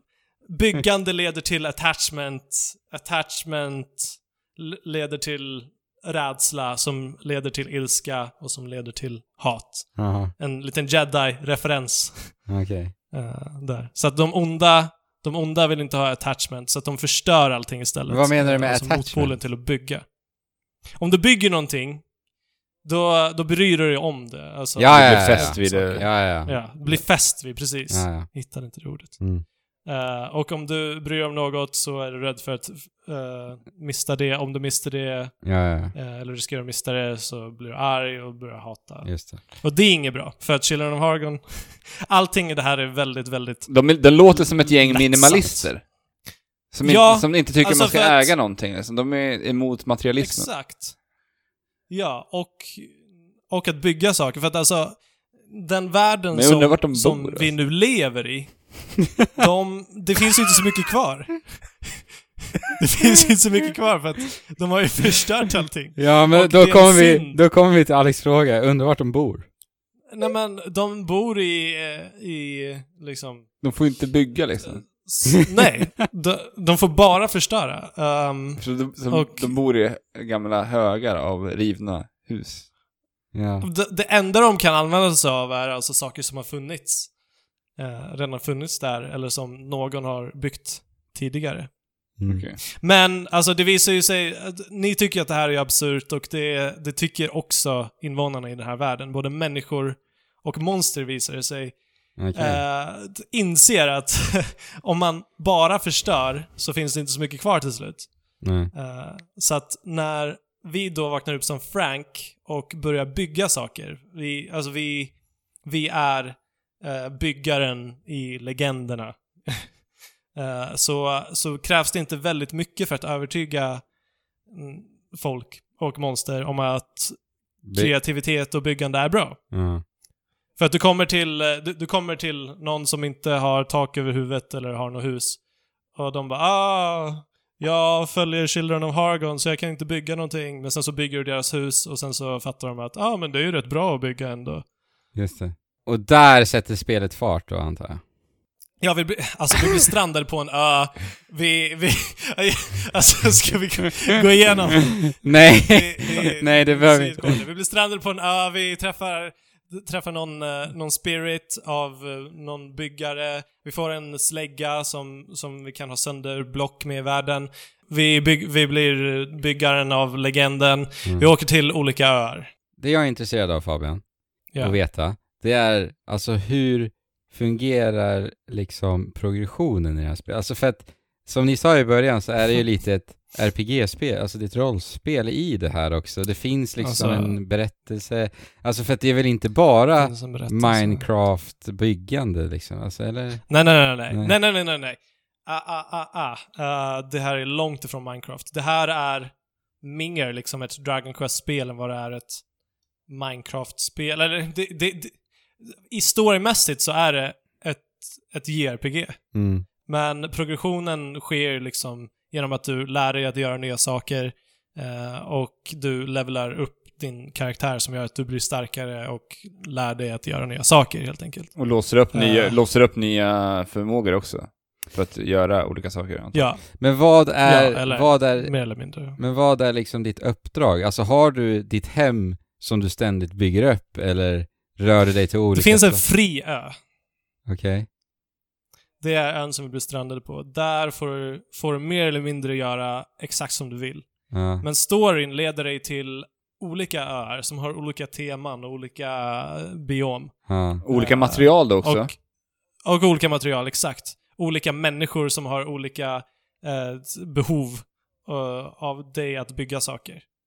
Mm. Och det, det är här vi lär oss hur, hur vi bygger saker. Det är inte som i Minecraft att du liksom kombinerar saker i rätt sekvens eh, för, för att få saker, utan du har en lista, du har en arbetsbänk dit du går och eh, liksom Mm. trycker på den saken att- som du vill bygga. Där står att sängen behöver så här x antal eh, trä. Ja, den behöver lite ull, den behöver lite trä liksom. Mm. Men återvänder du Eh, till, du men återvänder du till tidigare öar ibland också eller? Eh, Än så länge har jag inte gjort det, för att alltså storyn, storyn i det här spelet är så otroligt långsam och tröttsam Okej. och, och idiotisk, Ja. vill jag säga. Alltså, jag, jag är så trött på de här dialogerna. Jag har inte läst dialoger på 20 timmar. Jag har bara tryckt, tryckt förbi dem. Ja. För det är så sjukt jävla trött på allt jäkla snackande. Ja, shit. Och de är så övertydliga med att förklara allting som om jag vore helt dum i huvudet. Alltså de, de verkligen dumförklarar mig. Ja. Gång på gång på gång på gång på gång på gång på gång. Mm. Alltså, typ så här. Vi, vi ska göra en flod. Vi ska göra en flod. För att vi, vi kan inte bara bygga saker, liksom hus, vi kan inte bara bygga sängar och objekt. Vi kan även eh, förändra runt omkring oss. Såklart. Eftersom att vi kan, kan ha sönder alla blocken som, finns, som bygger upp världen. Så säg att vi ska göra en flod. Är ni med? Ja. Jag, jag är med. Och i marken så finns det redan spår för en flod. Ja. Är ni med? Ja. Så att det är liksom, det är en uttorkad flod helt enkelt. Och vi har en oändlig kruka som vi har fyllt med vatten. Där vi kan hälla ut hur mycket vatten som vi vill. Så du har en, en havskruka med hela havets vatten och lite mer? Ja. ja I det här fallet är det sötvatten, men... Okej, det är sötvatten. men dialo- men okej, dialogen som, som leder upp till att vi faktiskt gör floden, i det här fallet, är ungefär så här. Jag pratar som karaktärerna, typ. Jag vill ha en flod. Frank, du har ju din oändliga kruka som du kan fylla upp med vatten. Vilken tur! Och vi har använt den flera gånger tidigare ingår i historien. Var säker på att du har rent vatten innan du häller. Nej men, titta! Det här är ju ett perfekt ställe att hälla vatten i. För att skapa en flod. Frank! Vi måste fylla spåren med vatten. Vi går alla och ställer oss Nej. precis på de ställen där du ska hälla vatten. Bry dig inte om oss. Vi gör ingenting om vi får lite blöta fötter. Hahaha. Okej. Går och häller vatten där de står. Bra gjort Frank! Fortsätt så! Men oj, här tog det slut. För att det är lite markblock i vägen för spåret som uppenbarligen ska bort. För att fortsätta floden, helt enkelt. Ja. Frank! Det verkar som att det är några block i vägen. Men du har ju din hammare. Använd den för att ta sönder blocken som ligger i vägen. Och det bara fortsätter så här. Och sen när man har gjort någonting så samlas alla runt omkring dig och klappar frenetiskt sina händer. Och det skulle kunna vara charmigt men jag är så irriterad Ja. på alla karaktärer redan så att det, alltså i det här läget så skulle jag hellre vilja använda hammaren på dem än... Ja, det hade ju varit ganska Alltså- skönt alltså, än Men att vänta. lyssna på de här uh, tutorial-dialogerna. Som bara Ja, håller dig i Det är handen inte och bara berättar. att de håller mig i handen alldeles för mycket och det här är liksom ett spel där jag ska vara kreativ och skapa saker, men allting, allting är bara så sjukt snävt. För det, det du säger, jag har ju spelat tre timmar av det här spelet och det är ju typ exakt Mm. det där jag känner som du säger. Alltså, spelet håller i handen alldeles för mycket. För det var typ, så fort jag kom till den första ön så tänkte jag så här: yes, nu ska jag ut och leka, ut och bygga, ut och utforska. Ja. Men då var det så här, då ska jag ha något jäkla uppdrag. Först träffade jag nisse som var, blev helt chockad över att jag är en byggare. Han visste inte vad en byggare Ja. var. Det tyckte jag var lite Ja. kul. Eh, och sen så, liksom, vi, som när man satte sig med Minecraft första gången. Man bara så här, okej, Ja. vad ska jag göra? Jag lä, Ja. lär mig saker. Och, Ja, man testar lite. ja, och eh, det finns ju liksom inte i det här spelet. För som att, som du sa, man måste låsa upp de här eh, olika grejerna som du kan crafta. Och du kan inte bara börja Ja. bygga vad som helst direkt. Jag ville bara Nej. latcha och utforska, men det blir ju den här, eh, bara så här en, questlog upp. Det enda uppdragen jag har gjort nu har bara varit questlogs liksom. Så här, Mm. Gör de här tre grejerna, ta det vidare. Och på så sätt Ja. lär de sig, lär de dig mekaniken av vad du ska göra. Det låter Men som, jag, att, som om man var tvungen att klara av storyläget i Super Mario Maker 2 innan du kunde bygga. Ja. Jo, precis. Alltså, här, om du inte går igenom storyn så har du ju inget material som du kan, som du kan bygga Ja, med. Okej, det. det, det är lite, men du har inte alla de materialen som du skulle kunna ha för att efter att du har gjort första världen så öppnas en hel del upp eh, i main-världen där du kan vara lite mer fri. Men, men där finns det liksom ingen kontext eh, heller att göra saker. Eller de, de hjälper dig också börja eh, bygga någonting i, i hemvärlden.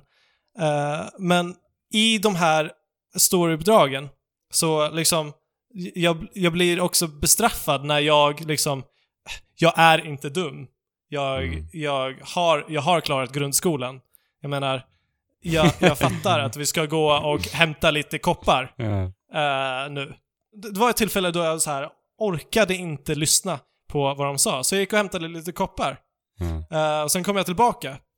Mm, För, för att det var någon kille som ville ha koppar. Ja. Men jag orkade inte gå igenom dialogen. Sen kom jag tillbaka och han, han står där och säger Jag vill ha koppar, och jag har koppar. Men jag har inte gått igenom eh, liksom storyuppdraget, så att jag måste gå och snacka med en kille, gå Nej. in i gruvan igen, eh, till, till de här eh, punkterna där, där det triggas en cutscene, och fortsätta så, och sen gå tillbaka till killen som vill ha koppar. Jag menar, och, alltså det, det, alltså, det här låter ju som att det går emot så mycket vad spelet utgör sig att vara. Alltså det här... vad det borde vara. För att också, också de här, som sagt, jag, jag ser ingen anledning till att riktigt återkomma till, eller eller återvända till de här öarna som, som du klarar av allt eftersom. Men här har jag också varit kreativ eh, liksom i, i, i stunden. Ja.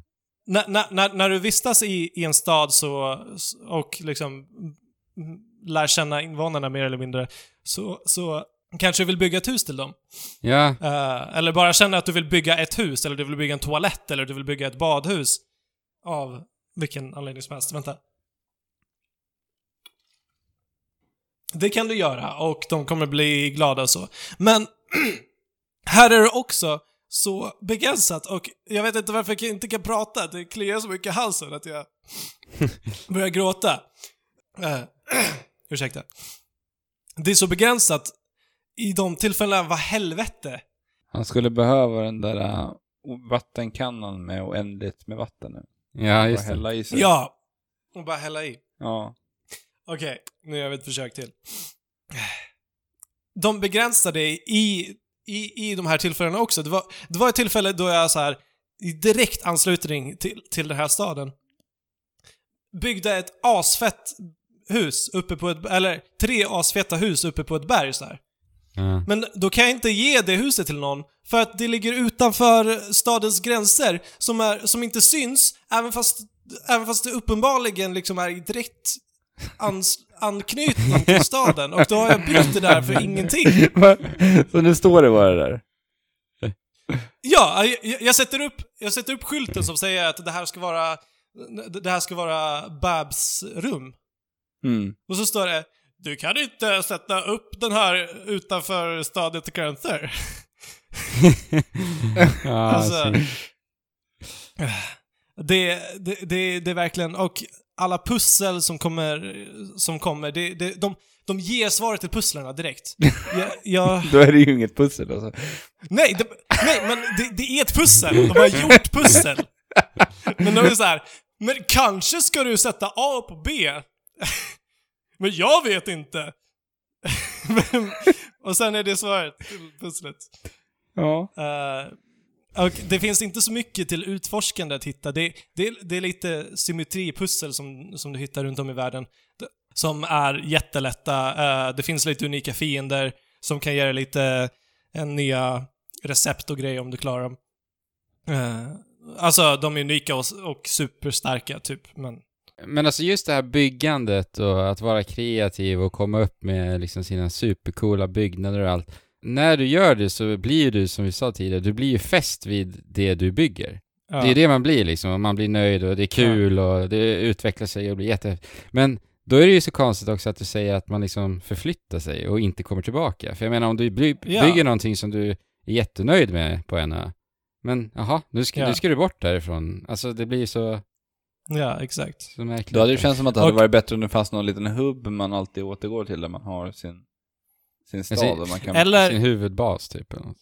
Eller om du åtminstone liksom kan spara ett, en blueprint på vilket hus som du än bygger och sen bara sätta det och bara dunka ut det liksom. Ja, Det, det kanske kommer senare, jag vet inte. Eh, för blueprints är en del av, av storyuppdragen. Att du så här. okej. Du bygger inte de fetaste byggnaderna själv, utan du sätter ut en blueprint som är liksom skriptad och sen så bygger alla, ah, alla okej. stadsbor det åt dig. Men det hade varit alldeles för jobbigt att bygga själv, så att ja, okej, eh, det, är, det är väl okej, men jag menar, jag är här för att bygga det jag vill bygga. Ja. eh, lite. Men, Och efter, eftersom att dialogerna, jag tycker de är dumma eh, och, och helt, helt onödiga. Men, men jag vet att Dragon Quest också är uppskattad för att de har charmiga, charmiga dialoger och så. mm. Det är så barnvänligt att jag inte fattar vad de, vad de vill med det här spelet. ja. med dialogerna framför allt. För att, för att un, under ytan liksom, eller folk dör och liksom de anspelar på sex och de anspelar på eh, att dricka alkohol och vara kåt och grejer. Men, men jag menar, vem, vem, gör, vem gör de det för? Eller, Eller är det tanken att det ska, ska vara så? det låter ju som en märklig kombination alltså. Ja, alltså jag menar, det skulle vara en sak om de liksom höll sig till att eh, vara självständig och inte hålla i handen, men alltså vara lite mer vuxna. Eller bara vara barnsliga. Mm. Men eh, jag, tänkte på, jag har ju bara börjat strida egentligen i, så långt som jag har kommit. Mm. Och eh, vi har ju, vi har ju realtidsstrider i eh, Dragon Quest Builders. Mhm. Och jag undrar, växer de här striderna på något sätt? För att jag tycker att de känns väldigt platta. Det känns som att det bara är en så här, det finns bara där för att det ska finnas någonting att göra när man äventyrar, eller växer det med tidens gång? Det låter som att eh, den här eldiga Fabian laddas upp ännu mer. Nja, det korta svaret är nej. Okej. Det långa svaret är att ja, det, du får en specialattack, eller du får några specialattacker eh, men som inte spelar så stor eh, roll. Eh, och det är några bossstrider som faktiskt är små roliga med lite mekaniker, men annat än så, nej. Striderna, striderna är bara för att få material från, Mm. från eh, monstren som du dödar eller eh, bara jobbiga. Men, men vad använder du monstermaterialet till? Bygger du liksom eh, den nya så här, draksoffan av det, eller använder du det till... Men alltså slimes, de, de, de droppar olja. Ja, Och med olja kan du göra facklor, till Okej. exempel. Eh, och det, det är lite sånt. Det är inte jättecentralt i spelet. Eh, men du måste äta här också, för att vi har en uh, matmätare som mm. ständigt tickar ner i procent. Vilket, alltså det, det är små kul att, att testa och laga mat liksom. Men, men det är också oftast bara jobbigt och det, me- mesta delen av tiden så märker jag att jag är hungrig när den står på 0% och det kommer upp en ruta som säger Frank is starving. Mhm. Eh, Mm. men jag har alltid med mig jättemycket mat. Så att det, det bara finns där. Och inte, uppfyller inte så mycket mening. Vad säger man? Den har inte så mycket mening. Mm. Mm. Men på tal om striderna så, så vi, vi ackompanjeras ju av, av den här Maloroth som är The Lord of Destruction. Jag har inte kommit så pass långt i storyn att, att jag vet riktigt vad det innebär, men uppenbarligen så är han den nuvarande ledaren av Children of Hargon. Men han vet inte det för att när vi träffade honom så vaknade han också upp på den där ön som vi blev strandsatta på eh, och han har tappat minnet i, i rent JRPG maner. Men han, han kan inte bygga, han kan bara förstöra och han är jättebra på att eh, döda monster åt oss. Så att det, det är ju skönt. Att Ja, vi inte bra. behöver döda monster hela tiden. Men det här låter inte så, så jättebra. jag Nej, sagt. alltså jag, jag, jag tittade på din eh, Switch-profil här eh, tidigare idag. Och jag ser, Ja. ser ju Fabian att du har ju lagt ner 35 timmar på det här spelet. Ja, just nu står det att jag har spelat över 40 timmar. Och jäklar. Ja. Och som sagt,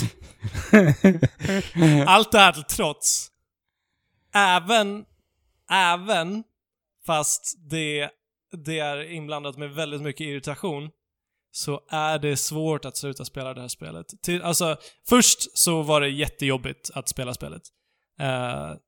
Mm, men eh, det, blev lite, lite mindre irriterande ju längre det gick. Och jag är fortfarande drabbad av det här Alfons-syndromet av att jag ska bara Hmm. hela tiden. Mm.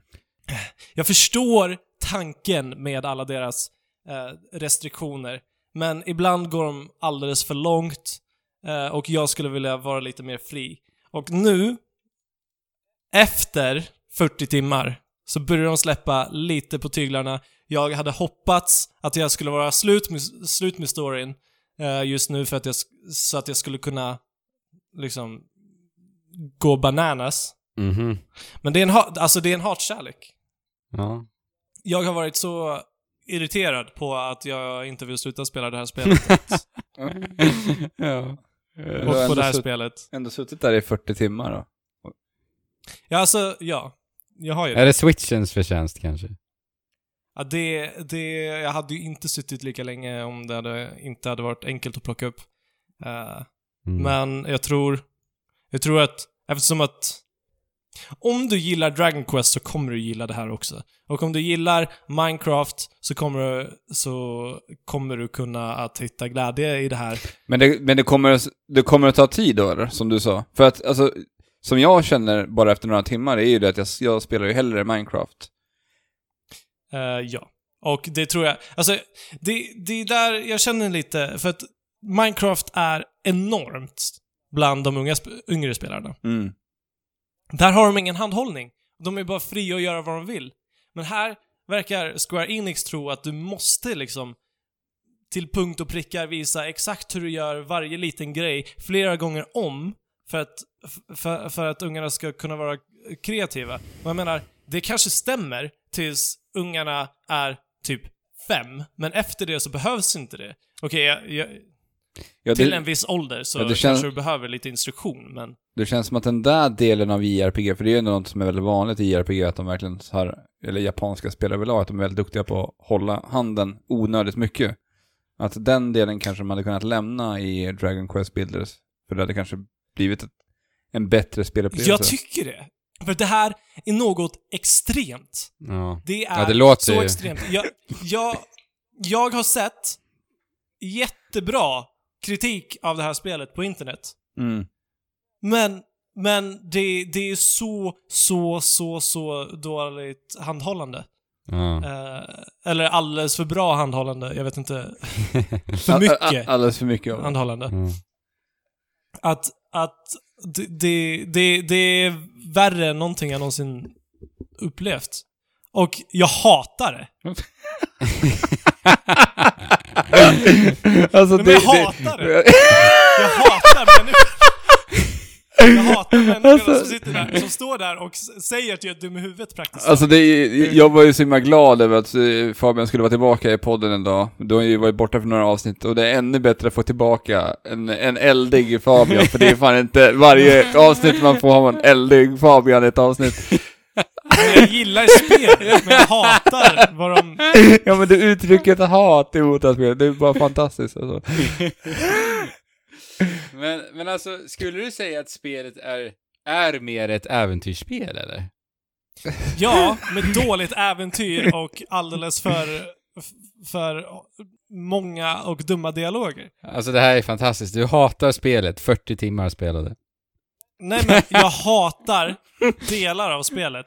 Ja, jo Men- jag, jag skojar. Men byggande och kreativitet och göra saker, det... Där har jag ju en, en, en öm, Ja, Tår. jo jag förstår. eller vad säger man, nerv. Eh, Eh, Fa- Fabian, har du någon Ja. koll på hur det här uh, multiplayer-läget är i Dragon Quest Builders 2? Jag, jag har du- inte kunnat spela med någon, för att man kan bara spela med vänners vänner. Inte vänner alltså? Vänner. Utan bara Vad sa du? vänner? in- Jo, inte vänner utan bara... Vänner och vänners vänner. Okej. det hade varit konstigt om man bara kunnat spela med vänners vänner. Ja. Då hade man fått gå jobbiga omvägar för att kunna spela med sina I vänner. sant switch-manér. jag hade inte blivit förvånad. Nej. Men okej, hörni. Så här, så här har det varit i 40 timmar. Så här har det varit i 40 timmar. Jag gillar att spela spelet, jag spelar spelet, och jag tänker så här. nej men snart måste det vara slut. Ja, Alltså, med, med de här dumheterna. ja. Snart måste det vara slut. Vid nästa ö, då är det slut. Ja. Nej men vi... Nej men när jag har gjort det här, då, det, då kommer det vara över. Och så är det tillräckligt engagerande på vägen. Ja, men det kanske är det här som fått dig att hänga kvar också. Det kanske inte är själva spelet, det kanske bara att, att det hoppet hatet. av att handhållningen ska ta slut. hatet och hoppet. Nej hörni, det här bygger in i hela narrativet av hela spelet. Är det så? Ja! Det, det är Children of Hargon. Det är Children of Hargon som, som bara låter mig leva på hoppet från början till slut. Ja. Men de, de, de förstör mig Shit! bit för bit. Det här Ja. kanske blir en fantastisk upplevelse till slut Fabian. Ja, alltså, nu måste jag snart vara färdig Ja. med, med storytramset. Nej hörni. Alltså det är, är så dåligt. Okej. Jag vet inte om jag ska säga det. Jag vet inte om vi ska lämna det där. Vi borde kanske Ja, lämna vi det där. lämnar det där. Alltså. Ja. Eh, men i alla fall så borde vi ju testa, jag har ju det här också, så vi borde ju faktiskt testa att spela det här ihop någon gång, Fabian. Ja, du måste ju spela typ så här 10 timmar innan vi kan spela tillsammans, men Men är det så långt alltså? om jag kommer ihåg rätt Jag har så- för mig att jag har låst upp co-op-läget. Jag ska kolla det. Jaha, okej. Men det kanske man gör då f- Jag, direkt. jag tror det. Vi får kolla. Ja, men i så fall så spelar vi. Men det kan vi ta utanför podden. Vill du säga Ja, något det mer om, vill du säga något mer om Dragon Quest Builders 2? Nej men, jag vill inte, jag vill inte att det här hatet ska studsa tillbaka på mig. Uh, vilket det kanske kommer göra för att vi kanske har... Jag vet inte. Men jag tror att det här spelet är bra för, för folk som vill bli handhållna i, genom det här. Ja. Jo men seriöst. Ja. För att, för att, för, för att lämnas helt öppen till Minecraft kanske, kanske är helt och hållet eh, paralyserande för många. Jo. Medan, medan det här kanske är liksom en bra inkörsport till det. Vad vet jag? Men folk gillar det. Och jag har spelat 40 timmar, så att någonting har det ju. Ja. Ja, alltså det, det jag, jag tycker ju att världen och färg, färgpaletten är ju otroligt mysiga alltså, i det här spelet. Alltså. Det ser bara ut som Dragon Ball. Ja, men det är ju mysigt alltså. Det, det är ju sällan man får spela sådana här färggranna spel och det, jag blir alldeles lycklig och varm i kroppen av det. Alltså. Men är inte monsterdesignen ganska kul också? Vad jag... Nej, jag hatar den också. Är det så? Ja, jag tycker den är ful. Okej. Ja, men, han är ju så jävla Ful eld, han, är, han, är, han är extra eldig nu. Alltså, han, bara, Ja. Ful och förutsägbar. han har fått brinna av. Punkt. Ful och förutsägbar. Med de orden så lämnar vi Dragon Quest Builders 2. Mm. Alex! Ja, jag eh, har ju fastnat totalt i den här jävla Marvel-hypen. Så det kändes ju inte mer än rätt att eh, kasta sig in i Marvel Ultimate Alliance. Efter att ha sett Endgame och den senaste Spider-Man-filmen så är jag så här, jag, jag är sjukt lite dedikerad i Marvels cinematiska universum och har Nice. Comic Con nu också. Ja, det, det har ju hänt jättemycket på Comic Con, framförallt eh, den här senaste veckan. De har ju berättat om hela nästa fasen för Avengers och jag måste sä- säga att jag är eh, riktigt, riktigt peppad på den här, det som händer med Marvels universum nu alltså. Mm. Ja, alltså jag vill jättegärna se nya Spider-Man. Det Ja. mest spännande som har hänt med Marvel eh, sen det drog igång egentligen tycker jag. Nu eh, med fas, med fas 4. Jag tycker nog det också. Det känns så, så fräscht. Det är bara, de lämnar liksom de här gamla säkra korten, de här gamla godingarna, superhjältarna vi alla är vana vid. Och nu är det så här mycket nytt som kommer in. Ja, det är, det är bara nytt i stort sett. Det är, det är Tor som kommer tillbaka och lite sådana här karaktärer som, får, som det byggs vidare på. Ja. Eh, I spelet eller i... Nej, nu pratar vi Comic Con och vi pratar Marvel Cinematic Universe fas 4. ja. Eh, Och Marvel Ultimate Alliance 3 utspelar sig i fas 4. Nej. Nej, det här är ju någonting, Nej. det här är ju någonting eh, utanför det cinematiska universumet. Det här Ja, är ju bara ja, okej. spelet. Mm. Okej, det är bara spel. Ja. Men, eh, ja, snorpepp på det i alla fall. Ser mycket fram emot det som, som ska, ko- det som ska komma i fas 4. Men nu går vi till Ultimate Alliance 3 så att vi är tydliga där. Ja. Eh, men, men det är fortfarande väldigt bekant eh, vad det utspelar sig i storyn, för det handlar ju fortfarande om The Infinity Stones i eh, Ultimate Mm. Alliance 3. Vi ska ju jaga The Black Order som också letar efter The Infinity Stones och de har ju den stora Thanos som ledaren. Just det. Eh, Mm. det, det jag först varit förvånad över när jag startade spelet, det var ju att Team Ninja gör det här spelet. Det hade jag missat helt och hållet. Ja. Det känns väldigt annorlunda att en japansk studio gör ett spel baserat på en västerländsk serieuniversum. Alltså, shit vad det har växt. Shit vad Marvel är stort. Ja. Det, Endgame gick ju och blev den mest inkomstbringande bi- biofilmen genom tiderna nu ju. Det gick ju om Avatar. Till och med. Gjorde den det? Ja. Den gjorde det igår tror jag. Wow. My god. Wow, och då låg den ganska långt efter när, Ja. vi, när du nämnde, drog de här siffrorna senast. Ja, alltså folk siade ju om att det aldrig skulle ske. Och sen helt plötsligt en dag bara, ja men nu har det skett. Jaha, oj. Oh, jäklar, det är sjukt alltså. Aha. Ja. Jävlar. Ja. Jävla Disney alltså. Ja, shit alltså Disney, det är helt sjukt. Men eh, som jag sa då, vi, vi jagar ju Infinity Stones och vi ska besegra Thanos och eh, the, Black, eh, the Black Order, alla hans eh, undersåtar som Ja, just också. Mhm. då supportar honom. Vi, vi får ju bekanta oss eh, först med, eh, vi får spela som Guardians of the Galaxy i början. Mhm. och ta oss igenom deras, eh, när, de, när de tar sig ner på jorden så får vi spela som dem i första, första lilla sektionen i spelet. Mm. Och snart därefter så kommer vi träffa Nick Fury, Captain Marvel, Captain America, Iron Man och alla de här vi har bekant oss med. Så de är väldigt så de, de tar ju verkligen tillvara på det här Avengers som har varit nu, som de ändå satte spiken i kistan för med Endgame och använder verkligen de här, de här hjältarna som vi alla känner så väl nu. Mm. Och eh, det är superkul att få se de här hjältarna i en ny tolkning, för de har ju, en, de har ju verkligen fångat den här serietidningskänslan på Ja. det grafiska, Mm. tycker jag. Nice. Den sitter ju verkligen Ja. där den ska. Det ser ju snyggt ut.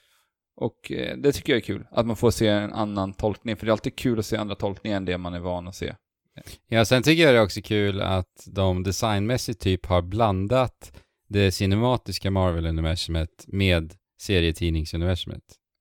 Ja, och, du, och du tänker på kostymerna då eller? Ja, exakt. Alltså Ant-Mans kostym till exempel är ju direkt från eh, det cinematiska universumet. Medans Ja. typ eh, Cyclops exempelvis är ju verkligen Ja, serietidning. det är verkligen så här. Ja, Ja. exakt.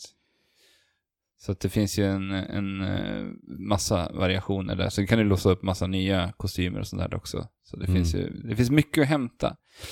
Eh, men eh, det, det här är i alla fall ett, eh, ett spel i, så här, tänk lite Diablo-stil. Där vi bara liksom, Ja, man ska säga, så här, top-down hack and slash. Där vi bara tar oss Mm. igenom banor och bara pepprar på knappar och dodgar och rullar och använder förmågor.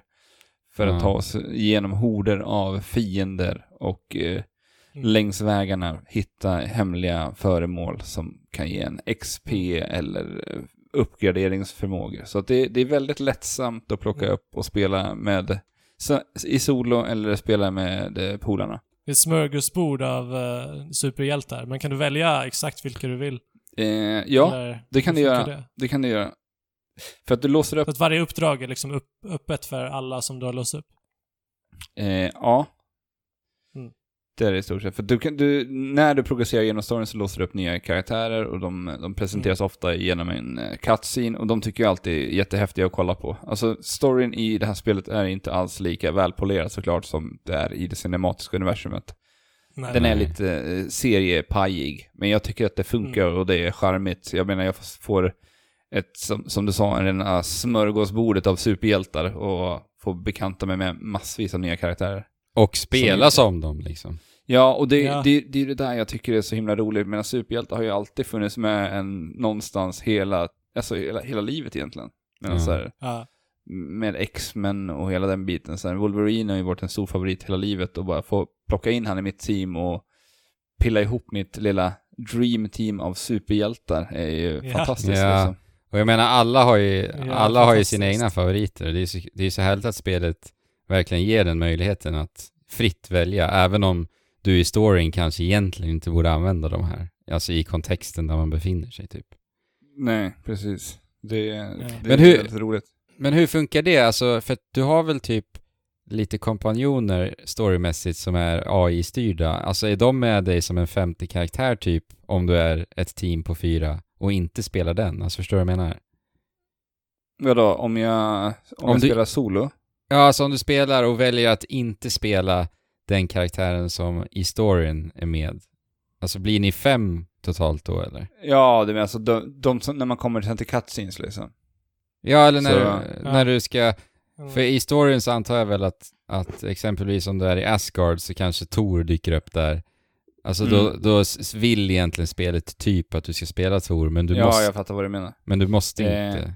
Den karaktären är aldrig synlig. För det märkte jag med Ja. eh, ganska tidigt när jag, när jag bytte bort eh, jag, jag switchade bort ifrån Guardians of the Galaxy ganska snabbt när jag fick nya karaktärer. För att Ja, jag, jag hittade några nya favoriter jag ville testa istället.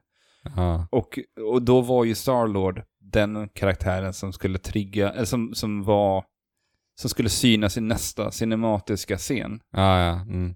Men han var inte med på så när jag gick fram dit så är det ändå Starlord som är där. Så att ja, okej. det finns okej. ändå satta karaktärer som kommer till alla de här olika Ja. cinematiska scenerna och då kommer det bara, då kommer det bara bli dem.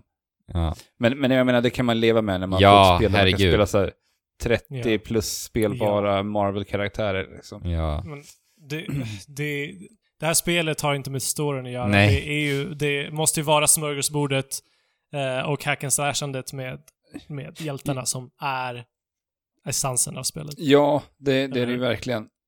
Jag hade ett, ett team som jag verkligen så här kände väldigt mycket för. Jag tror jag pillade in typ så här Wol- Wolverine, Daredevil, Hulken och så var det någonting och någon, någon till där. Och det laget kände jag så himla mycket för. Det var så här, jag la, ner- jag kände, la in så mycket värdering i de här, det starka laget och det, det var, det är någonting, det är svårt att förklara. Ja, men det är eh, väl någon personlig koppling där som du känner? Ja, det, det var verkligen det. Och jag, när jag fick till det här liksom, det här, det finns en, vi kan komma till det, det finns en kraft som man kan trigga mellan de här karaktärerna. Som heter synergies. Ja, just det. som gör att Mm, när du är okej. nära dina spelare så kan du hålla in ZR och så kan ni kombinera era specialförmågor och göra liksom en dunderattack tillsammans. Ja, och när man det. hittade Mm. den där, uh, alltså när man fick det där flowet till slut, att trigga igång synergies och switcha karaktärer och bara göra dunderattack efter dunderattack med sina favorithjältar. Då känner man Mm. sig så här, man ville bara ställa sig upp och bara Ja, yes! Mm. Man blir så Mm. taggad Nice. liksom. Så man blir av en riktig så här god actionrulle. Man blir ju så här, man gillar ju god action.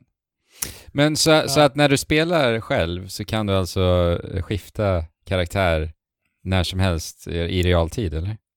Ja, precis. Eh, Ja. D-paden är ju, alla karaktärer är mappade till eh, D-paden. Så att det är Ja. upp, ner, höger, vänster och så. Ah, ja. Så Det att låter är väldigt ju- enkelt. Men och i co-op, ja just det, för vi spelar ju co-op och vi kunde ju också byta. Alltså vi spelade ju, du och jag, och vi hade två eh, datastyrda, men vi kunde ju byta till dem också ju. Ja, exakt. Ja, just det. För man kan ju spela fyra stycken samtidigt i lokal co-op. Ja. Då kanske man inte kan byta. Nej, då blir det svårt om det inte finns en sån att trycka exakt samtidigt. Men det har jag svårt att tro. Men det finns väl ändå en behållning i att kunna byta? Jo, men jag, jo, men jag tycker det. För att, Ja. ja. alltså jag, jag har ju dragit mycket användning av det här. Alltså speciellt i vissa bossstrider där jag har, när jag hade framförallt Hulken, så var det så här, Hulken var bra på en viss sak liksom. Mm. Med sina, sina förmågor som gjorde mycket skada och tog ner mycket skölden snabbare än vad det, till exempel Gamoras attacker gjorde. Och då använde jag mig av switcha till Hulken för att ta ner skölden, sen går jag på in med, Gamora. Ja, För att liksom göra, göra heavy damage. just och det. hittade den där typen av kombinationer. Li, li, Eh. lite så här, spelet är ju så otroligt marknadsfört för att spela i co-op. Men det Mm. känns ju som att lite av det här ändå skulle försvinna om man spelar liksom fyra personer i alla fall. Ja, ja Mm. och det lilla jag upplever från när vi spelade det i co-op var ju... Kameran! vi hade en hel del kameraproblem. Ja jäklar alltså. Oj. Och det här är någonting som jag också blir förvirrad över, alltså just kameran i det här spelet, för att när vi spelar solo så har vi två stycken kameralägen. Vi har något som heter Classic. Ja. Och vad tänker ni när man säger Classic i ett sånt här typ av spel? Uh, Sidoskrollande. Väldigt mycket, Känt. väldigt mycket uppifrån. Ja, Ja. precis. Väldigt mycket uppifrån. Ja, antingen det eller typ rakt sidoskrollande som ett beat'em up typ. Ja. Men så, och sen har vi något som heter Heroic. Och den ska liksom f- följa mera nere på slagfältet. Den ska liksom gå mera Mm. bakom. Lite mer Och sen har du också Precis, så har du fri kontroll med högerspaken och titta runt. Vilket känns så här poänglöst i ett sånt här typ av spel. Men det ser väl häftigt ut. Ja. Men det, är någon, det här blir jag så förvirrad över för att Classic-kameran beter sig inte så som jag vill att den ska göra. Ibland gör den det. I vissa sekvenser av världen så är den så här, den är top-down Okej. och du ser precis överallt. För att det var det som jag ändå upplevde. ja, vi, spelar, Ja. vi spelar med Classic-kameran i local co-op. Ja, för det gick och- inte att spela Heroic då ju. Nej. Mm. Och första delen av, för den här banan vi spelar var uppdelad i två sektioner. Så att eh, ett rum eh, där vi möter en boss, så har vi kameran uppifrån och när vi har tagit ner en del av hans sköld så byter vi till nästa rum. Och då helt plötsligt så byter eh, den kamera att gå liksom mera längs med golvet. Ja, och det här, Och det här rummet är också identiskt. Ja. Va? Det måste vara en bugg. Nej men det var ju Nej, det vi jag- sa, nej. vi sa det. Det här är en bugg. Vi- Vi, vi var helt övertygade. ja, för vi spelade om den här flera gånger för att Ja. vi inte klarade av den här banan på grund av kameran. Ja, vi startade Men det var. Det var som att kameran liksom fastnar någonstans i mitten av våran position. Som att, Ja. och den visste liksom inte riktigt var den skulle ta vägen, vilket varit väldigt problematiskt att spela. Och, och, och kameran gjorde också att vi fastnade med våra karaktärer på vissa ställen. Ja. Ja, det var jättedåligt alltså. Ja, Den, det var väl den enda Mm. banan vi verkligen hade problem med kameran. Annars så funkade det ändå relativt bra, Ja. skulle jag säga. Alltså, för att det var, det var så, det är så mycket som händer i det här spelet också. ja Speciellt shit. med de här synergiattackerna som jag berättade om. Alltså så här, Ja. Ja. Det blir ju en riktigt stora explosioner och sprängs och bam bam och ja, det är mycket. ja, verkligen. Tänk, tänk er liksom eh, Marvel vs Capcom fast i det här spelet istället. Ja. Det är lite, det är lite så kaotiskt. Hur funkar progressionen? Alltså hur levelar du upp dina karaktärer? Levelas alla upp allt eftersom du kör eller måste du levela upp din favorithjälte var för sig? Eh, du, spel, du levelar bara upp de du spelar med. Och sen så, Okej. de du låser upp i storyn är matchade till en ungefärlig level som du är på. Så att det kommer ändå så här, de nya Okej. som rek- rekryterar kan du lätt bara stoppa in i ditt lag Mm. och eh, Mhm. börja spela med direkt. Men annars Men så, är det jobbigt? Att, att levela upp de andra. Ja, Alltså, de som hamnar på efterkälken, för det är ju en hel uppsjö av hjältar. Typ. Ja, men ja, det- är ju rätt många. Men det fanns väl någon valuta man kunde typ köpa upp sig, var det inte så? Ja, precis. Jag berättade ju tidigare att det finns lite gömda föremål längs eh, vägarna. Så där kan vi hitta kuber som heter XP-cubes. Mm. Och Okej. med dem så kan vi ju snabbt enkelt levela upp våra karaktärer som eh, hamnat på efterkälken. Just det. Mm. Så, att, så att det finns medel att eh, använda för att levela upp med. Och Och- göra det ganska snabbt.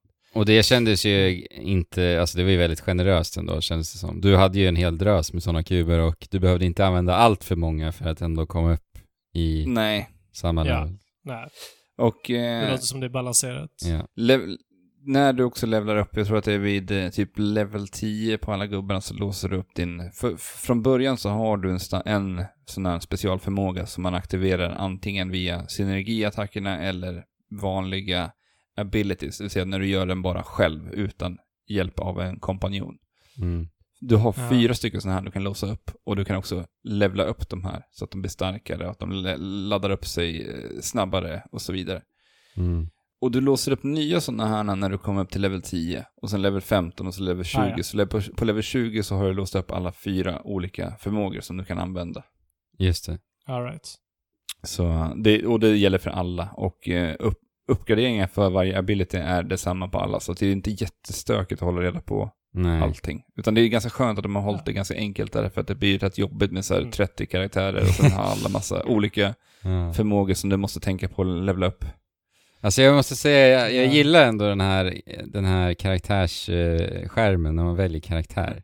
Alltså det är, Mm. så, det är så häftigt, det är, så som, det är Ja. nästan som Smash Bros liksom. Det bara, alltså bara smälls på med alla möjliga karaktärer. Det, är- det är så här, Ja, det är bara kul att titta på den och bara sätta ihop sitt lilla lag och bara leka runt lite.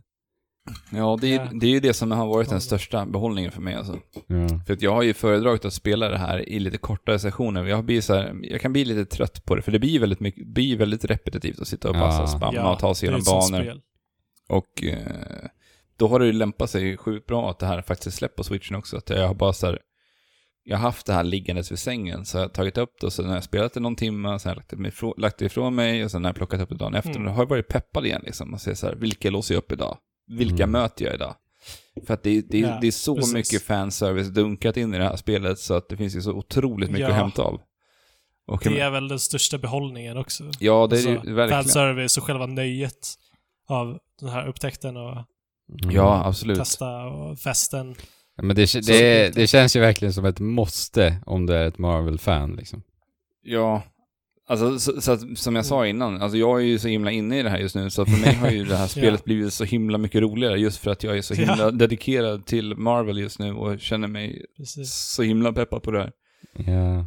Vi tittade ju till och med i lite så här konceptbilder när vi, slut, när vi avrundade våran session där i helgen. Och det var ju Mm. bara, det var ju bara kul att så här, titta på konceptbilder på sina gamla favoritseriefigurer och se hur de har designat dem.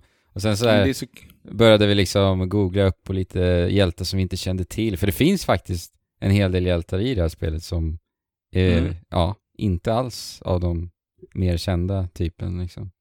Nej, och det, är ju, det tycker jag är så himla roligt. Ja, nice. Och Ja. du kan ju också gå in, det finns ju också så mycket du kan gå in och läsa om alla karaktärer. Du, alltså, du låser delvis upp de här konceptbilderna som vi satt och bläddrade igenom. Men för varje karaktär du låser upp så låser du upp massa information också. Så här, vilka team har de tillhört? När, Mm. när kom den här äh, karaktären? Ja, Är Disney med på det här spelet? Alltså Disney äger ju Marvel. Marvel. Ja. Så Yes. Ja, jag tänker om det kanske är någon liten eh, baktanke med det här, att introducera obskyra karakt- karaktärer för att de ska kunna göra Mm. nya filmer. ja, Yes. alltså det kan det ju Eh. säkert vara. Det, det finns ju den möjligheten. Ja, det, det, de hade ju en panel på Comic Con också om det här spelet. Eh, Marvel och ja, jag vet, jag vet Mm. inte om Nintendo var delaktiga, men det måste de väl ha varit. Det är ändå de som publicerar spelet. Eh, och då uh, utannonserade också utannonserades också lite expansioner med flera karaktärer. Och en av dem right. var ju eh, Fantastic Four, och Fantastic Four ska ju få en film eh, i Mm. MCU alltså nu då. Och även eh, Marvel Knights utannonserades till Ultimate Alliance och där eh, finner vi Blade. Och Blade ska ju också vara en del av Phase 4 nu i Mm. The Cinematic. Vänta, är Blade Marvel? Ja, Mm. och, och nu Okej. ska han bli en del av eh, det cinematiska universumet, så jäkla pepp på det faktiskt. Ja, det är ju riktigt coolt. Jag visste inte så att han var Marvel. Nej, mindblown. Aha. Faktiskt. Alltså Blade-filmerna var typ mina favoritfilmer när jag var liten. Jag Ja, tyckte shit det. vad man nötte dem alltså. Ja, så och vampyrerna var så ja, coola. de är ju skitcool. Ja. Jaha, det är ju skitpepp ju. alltså, ja. Så, att, Ja, li- alltså, så att eh. lite så har väl Disney ändå någon form av tanke för att påskynda lite marknadsföring inför, sp- i till spelet och sådär också. Ja men det tror jag nog ändå faktiskt. Det har ju sålt sjukt bra, läste jag här i dagarna. Ja, Ja, det Marvel. kan jag tänka Ja, jag läste att det var nästan så här, det exploderade lite i försäljningen. Alltså, Men jag kan tänka det mig det, heter alltså, det- ju typ dollar sign. Ja. Alltså, det det, spelet. det är ju det enda Marvel-spelet som släpps och är nytt nu. Liksom, sen, Ja. sen Spider-Man. ja. Och jag menar bara möjligheten att kunna spela alla de här hjältarna. Förstå vad, vad Marvel har vuxit sen liksom första Iron Man. Det är ju det är helt Ja. sjukt. Ja. Det är helt sjukt. Ja, det var ju typ lite smånischade filmer för bara de, eller Ja men det var ju liksom Ja. nördpubliken till en början liksom. Alltså det var väl? Spider-Man som började knacka upp det lite grann liksom. Men det har väl ändå varit en viss typ av biopublik som har gått och kollat på. Avengers-filmerna liksom, tidigare. Ja, precis. Och de har, de har ju faktiskt skött det väldigt, väldigt bra. Ja. Med Allt, alltihop. Det har de verkligen gjort. Eh, men eh, vi kan ju prata lite mer om det här med fanservice, för jag tycker att de har, de har buntat in fanservicen så himla snyggt i själva spelet och lite hur man kan buffa sina egna karaktärer. För att när vi väljer våra olika teams Ja, så finns det det. något som heter team buffs. Och då kan du se olika listor. Det kan vara sånt som heter The Defenders, det kan vara X-Men, det kan vara Anti-Heroes, det kan vara Avengers, New Avengers, bla bla bla. Mm. Och, och då kan du gå in i de här listorna och kolla så här, vilka är det som tillhör The Defenders? Och så får du en lista på typ Hulken, Iron Fist, Daredevil och så vidare. Och eh, i den här så står det också vilken stat som du boostar. Så att Defenders kan boosta till exempel eh, Strength. Om du har fyra stycken Defenders-karaktärer så maxboostar du den och då får du en procentsats som boostar din Strength. Ja, ja. Så man kan kolla lite sådana grejer. Man får lite koll på uh, hur de är relaterade till varandra, eller vilka som har en koppling till varandra. Ja, kanske. precis. Och så får Eller? du... Ja, precis. De, de som har varit i olika teams och olika formationer. Ja. Och sen får du också en, en eh, belöning utav det också, vilket jag tycker är är jättekul. För då har man liksom... Då blir man tvungen att kolla runt lite grann vilka det är som funkar med varandra. Som har Mm. kopplingar. Ja. Så att... eh, Ja, men så, det som sagt, kul att bara leka runt och experimentera lite med gängen. Mm. Mm. Eh, Sen har vi de här uh, collectibles, XP Orbs och sen har vi någonting annat som heter ISO 8. Och det här är också någonting som kommer typ eh, så här, sex timmar in i spelet som har varit lite, som också är en stor del av hur du kan buffa dina olika karaktärer. För du låser upp de här ISO 8 som är någon slags någon slags gegga i något, liten, eh, något litet rör och de här kan du crafta Mm. Som ger dig olika buffförmågor. Så att du kan eh, betala med den här geggan i olika färger som heter ISO 8 och bygg, crafta olika strength boost och Ah, ja. endurance boost och sånt där. Så det, det är så väldigt gjort redan.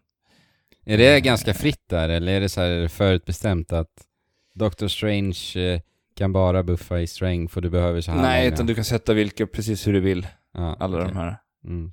Eh, och sen har vi också ett, eh, ett skill tree, eller ett typ ett stat tree som är övergripande för alla i vår alliance. Ja, som, just det. man, eh, som man låser upp med både Ah, ja. pengar och eh, uppgraderingsvalutor som man får när man progresserar igenom spelet. Ja. Eh, och, och när man har tagit sig igenom hela storyn och man känner så här, nej men jag vill ha mera utav det här spelet så finns det verkligen jätte, jättemycket att hämta av. Det finns eh, sådana Infinity Trials som är utmaningar. Små korta, det var det vi spelade ändå. Ja, just det. Som är små korta utmaningar ifrån event som har hänt i spelet eller helt eh, egna såhär battle-utmaningar, som det, eller såhär arena-utmaningar. Där är bara såhär, det här, nu Mm. ska du röja hundra stycken fiender på två minuter och eh, gör du det på en minut så får du så får du den, den högsta valutan. Så här, du har tre stycken olika priser Mm. du kan plocka på dig. Om du gör alla de här så får du allting. Och du kan få tre stjärnor på alla. Och här kan man låsa upp massa nya kostymer och även nya hjältar att strida med i eh, spelet. Så det, det finns mycket att hämta av om man eh, gillar Marvel, om man... Om man inte får nog av spelet. Ja, verkligen. Om man inte blir trött på det hjärndöda mashandet. Ja, Det låter väldigt trevligt. Ja, men jag har haft det väldigt kul med det här spelet ändå, trots att eh, det har ju många brister såklart, men jag är så himla målad av Marvel just nu, måste jag ändå erkänna. Så jag har haft det supertrevligt alltså. Ja. Nej, Men jag tror ingen förväntar sig ett mästerverk av ett sådant här spel. Men Nej. Nej, men det gör man inte. Så Alltså, det, det är väldigt mycket av det du förväntar dig det här ska vara. Det är Ja. exakt det jag, det jag väntade mig. Ja, Men alltså om, om vi hade varit kids idag och Ja. varit investerade i Marvel-universumet, det här spelet hade ju sprängt våra hjärnor. Ja, verkligen. Ja. Och alltså, jag kan bara tänka mig att liksom, om Alex hade det och så hade vi bara ah, låt oss åka till Alex och spela Marvel. Ja. Mm. Det kanske inte är så idag, men Men man sitter, väl, man sitter väl kanske online idag. ja, precis. på, ja, det på kanske man gör. Och alla har sina egna spel, Ja. kanske. Ja. Men, Mm. men det jag känner efter att ha spelat det här spelet, jag, jag pratar ju om det här, att jag tycker att det här ser så himla bra ut. Jag- Att de verkligen, så här, som Andrew sa också, det med det cinematiska, att de har lånat mycket Mm. kostymdesign därifrån och att de har gjort den här alltså, serietidningsestetiken och fångat den så bra. Då blir jag så här, när, när man tittar på Crystal Dynamics kommande Avengers-spel och tittar Mm. på hur de har tolkat de här karaktärerna, då blir jag så här, nej men det är inte det där jag vill ha Mm. Ja. Det är ju det här jag gillar. Den här estetiken jag vill Ja. ha i Marvel. Mm. Och det är Jo. lika, alltså Spider-Man var ju en sån här, det var ju en, en riktig fullträff när det kom till det estetiska liksom. ja. Jag vill inte ha det där Avengers alltså, som ska vara så realistiskt och det känns bara tråkigt alltså. Nej, ja. Och det här... Jag, jag inser bara nu hur bra, hur, hur bra filmerna har gjort. Mm. Uh, för, för att det här, som sagt, går ju väldigt mycket i det vi känner till från filmerna, i, i samma stil. Ja. Eh, och det, och det, som sagt, det känns samtidigt serietidningsartat. Mm. Ja, det verkligen. är sjukt mycket tanke bakom allt det här. Och designerna är fantastiska. Ja, Team Ninja. Japanerna. Ja. Japaneser. Ja. Ja, nej men eh, det är ute nu. Marvel Ultimate Alliance Trevligt. släpps till Switch. Bara. ja, det är lite Faktiskt. galet alltså. Ja. Ja. Ja, jag menar, det här är ju Ja, spel som har släppt ja. på typ, jag, jag kollade upp vad de tidigare spelen släppts på, så här, tvåan släpps, släpptes ju typ på allt. alltså, Till och med på aha. typ 3DS tror jag var. ja. What the fuck? Men nej, ja, vad ni- är ni- de tidigare spelen? ja, men det är samma sak typ.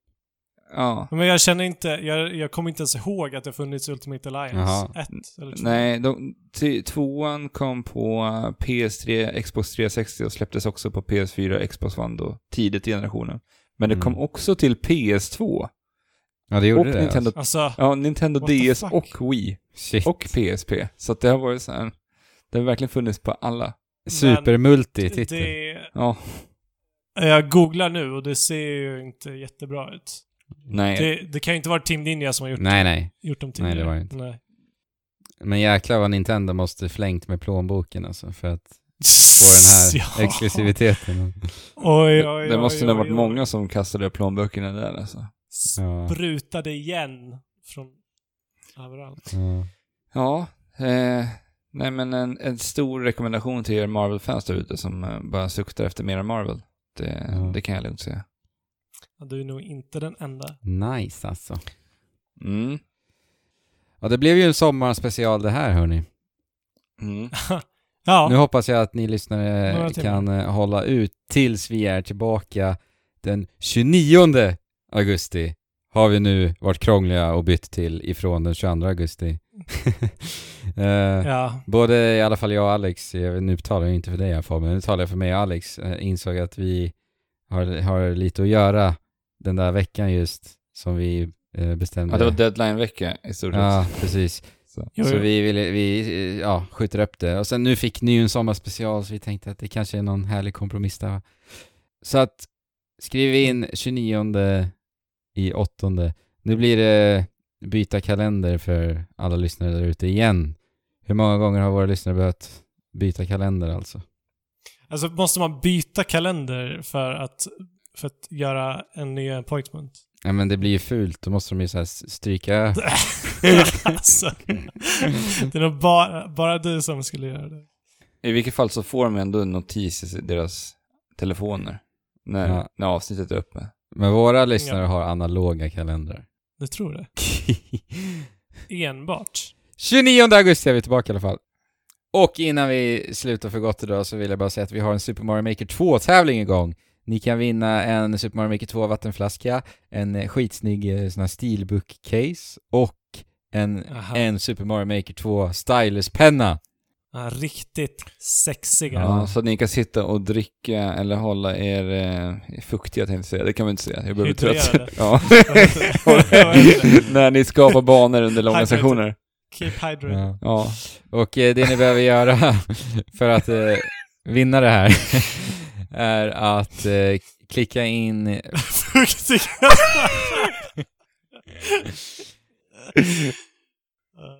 Håller er fuktiga. Klicka in på någon av länkarna i beskrivningen till det här avsnittet och sen så delar du med dig av Yes. koden till din bästa bana som du har byggt i spelet. Antingen kan du ge den till oss eh, via vår Discord eller så skriv till oss på Instagram. Låt oss veta helt enkelt. Och sen så kommer jag på torsdagen den 1 augusti klockan 20.00 att streama alla de här banorna på vår Twitch-kanal. Och sen så är det så enkelt att den bästa banan vinner. Och jag kommer att påminna om den här streamen också på våra sociala medier nästa vecka. Så att ni inte glömmer bort tiden. Så ja, så låt tävlingen dra igång. Eller? Ja, Den är igång nu. den är igång. Folk har ju Ja, börjat är jobba stenhårt på det här redan nu. Vi har ju fått, vi har sett folk på discorden som liksom överväger att köpa spelet. För att de Va? verkligen vill ha den här vattenflaskan och pennan. Alltså, jag vill ju det och jag, Ja, jag ju- har ju bara suktat. Vadå, vill du ha pennan? Du vet, jag har spelat, ja. och, och, och fuktighets... Fuktighetsflaskan. Manicken. flaskan. Och, och framför allt så när jag spelar Dragon Quest Builders så har jag lite varit så här. Mm, jag vill bygga. Men jag skulle hellre vilja bygga Mario. Ja, shit. Jag vill bygga Det Mario. är så kul. Mm. Ja, men då vet ni det. Så in och tävla med er, hörni. Så med det sagt, hörni.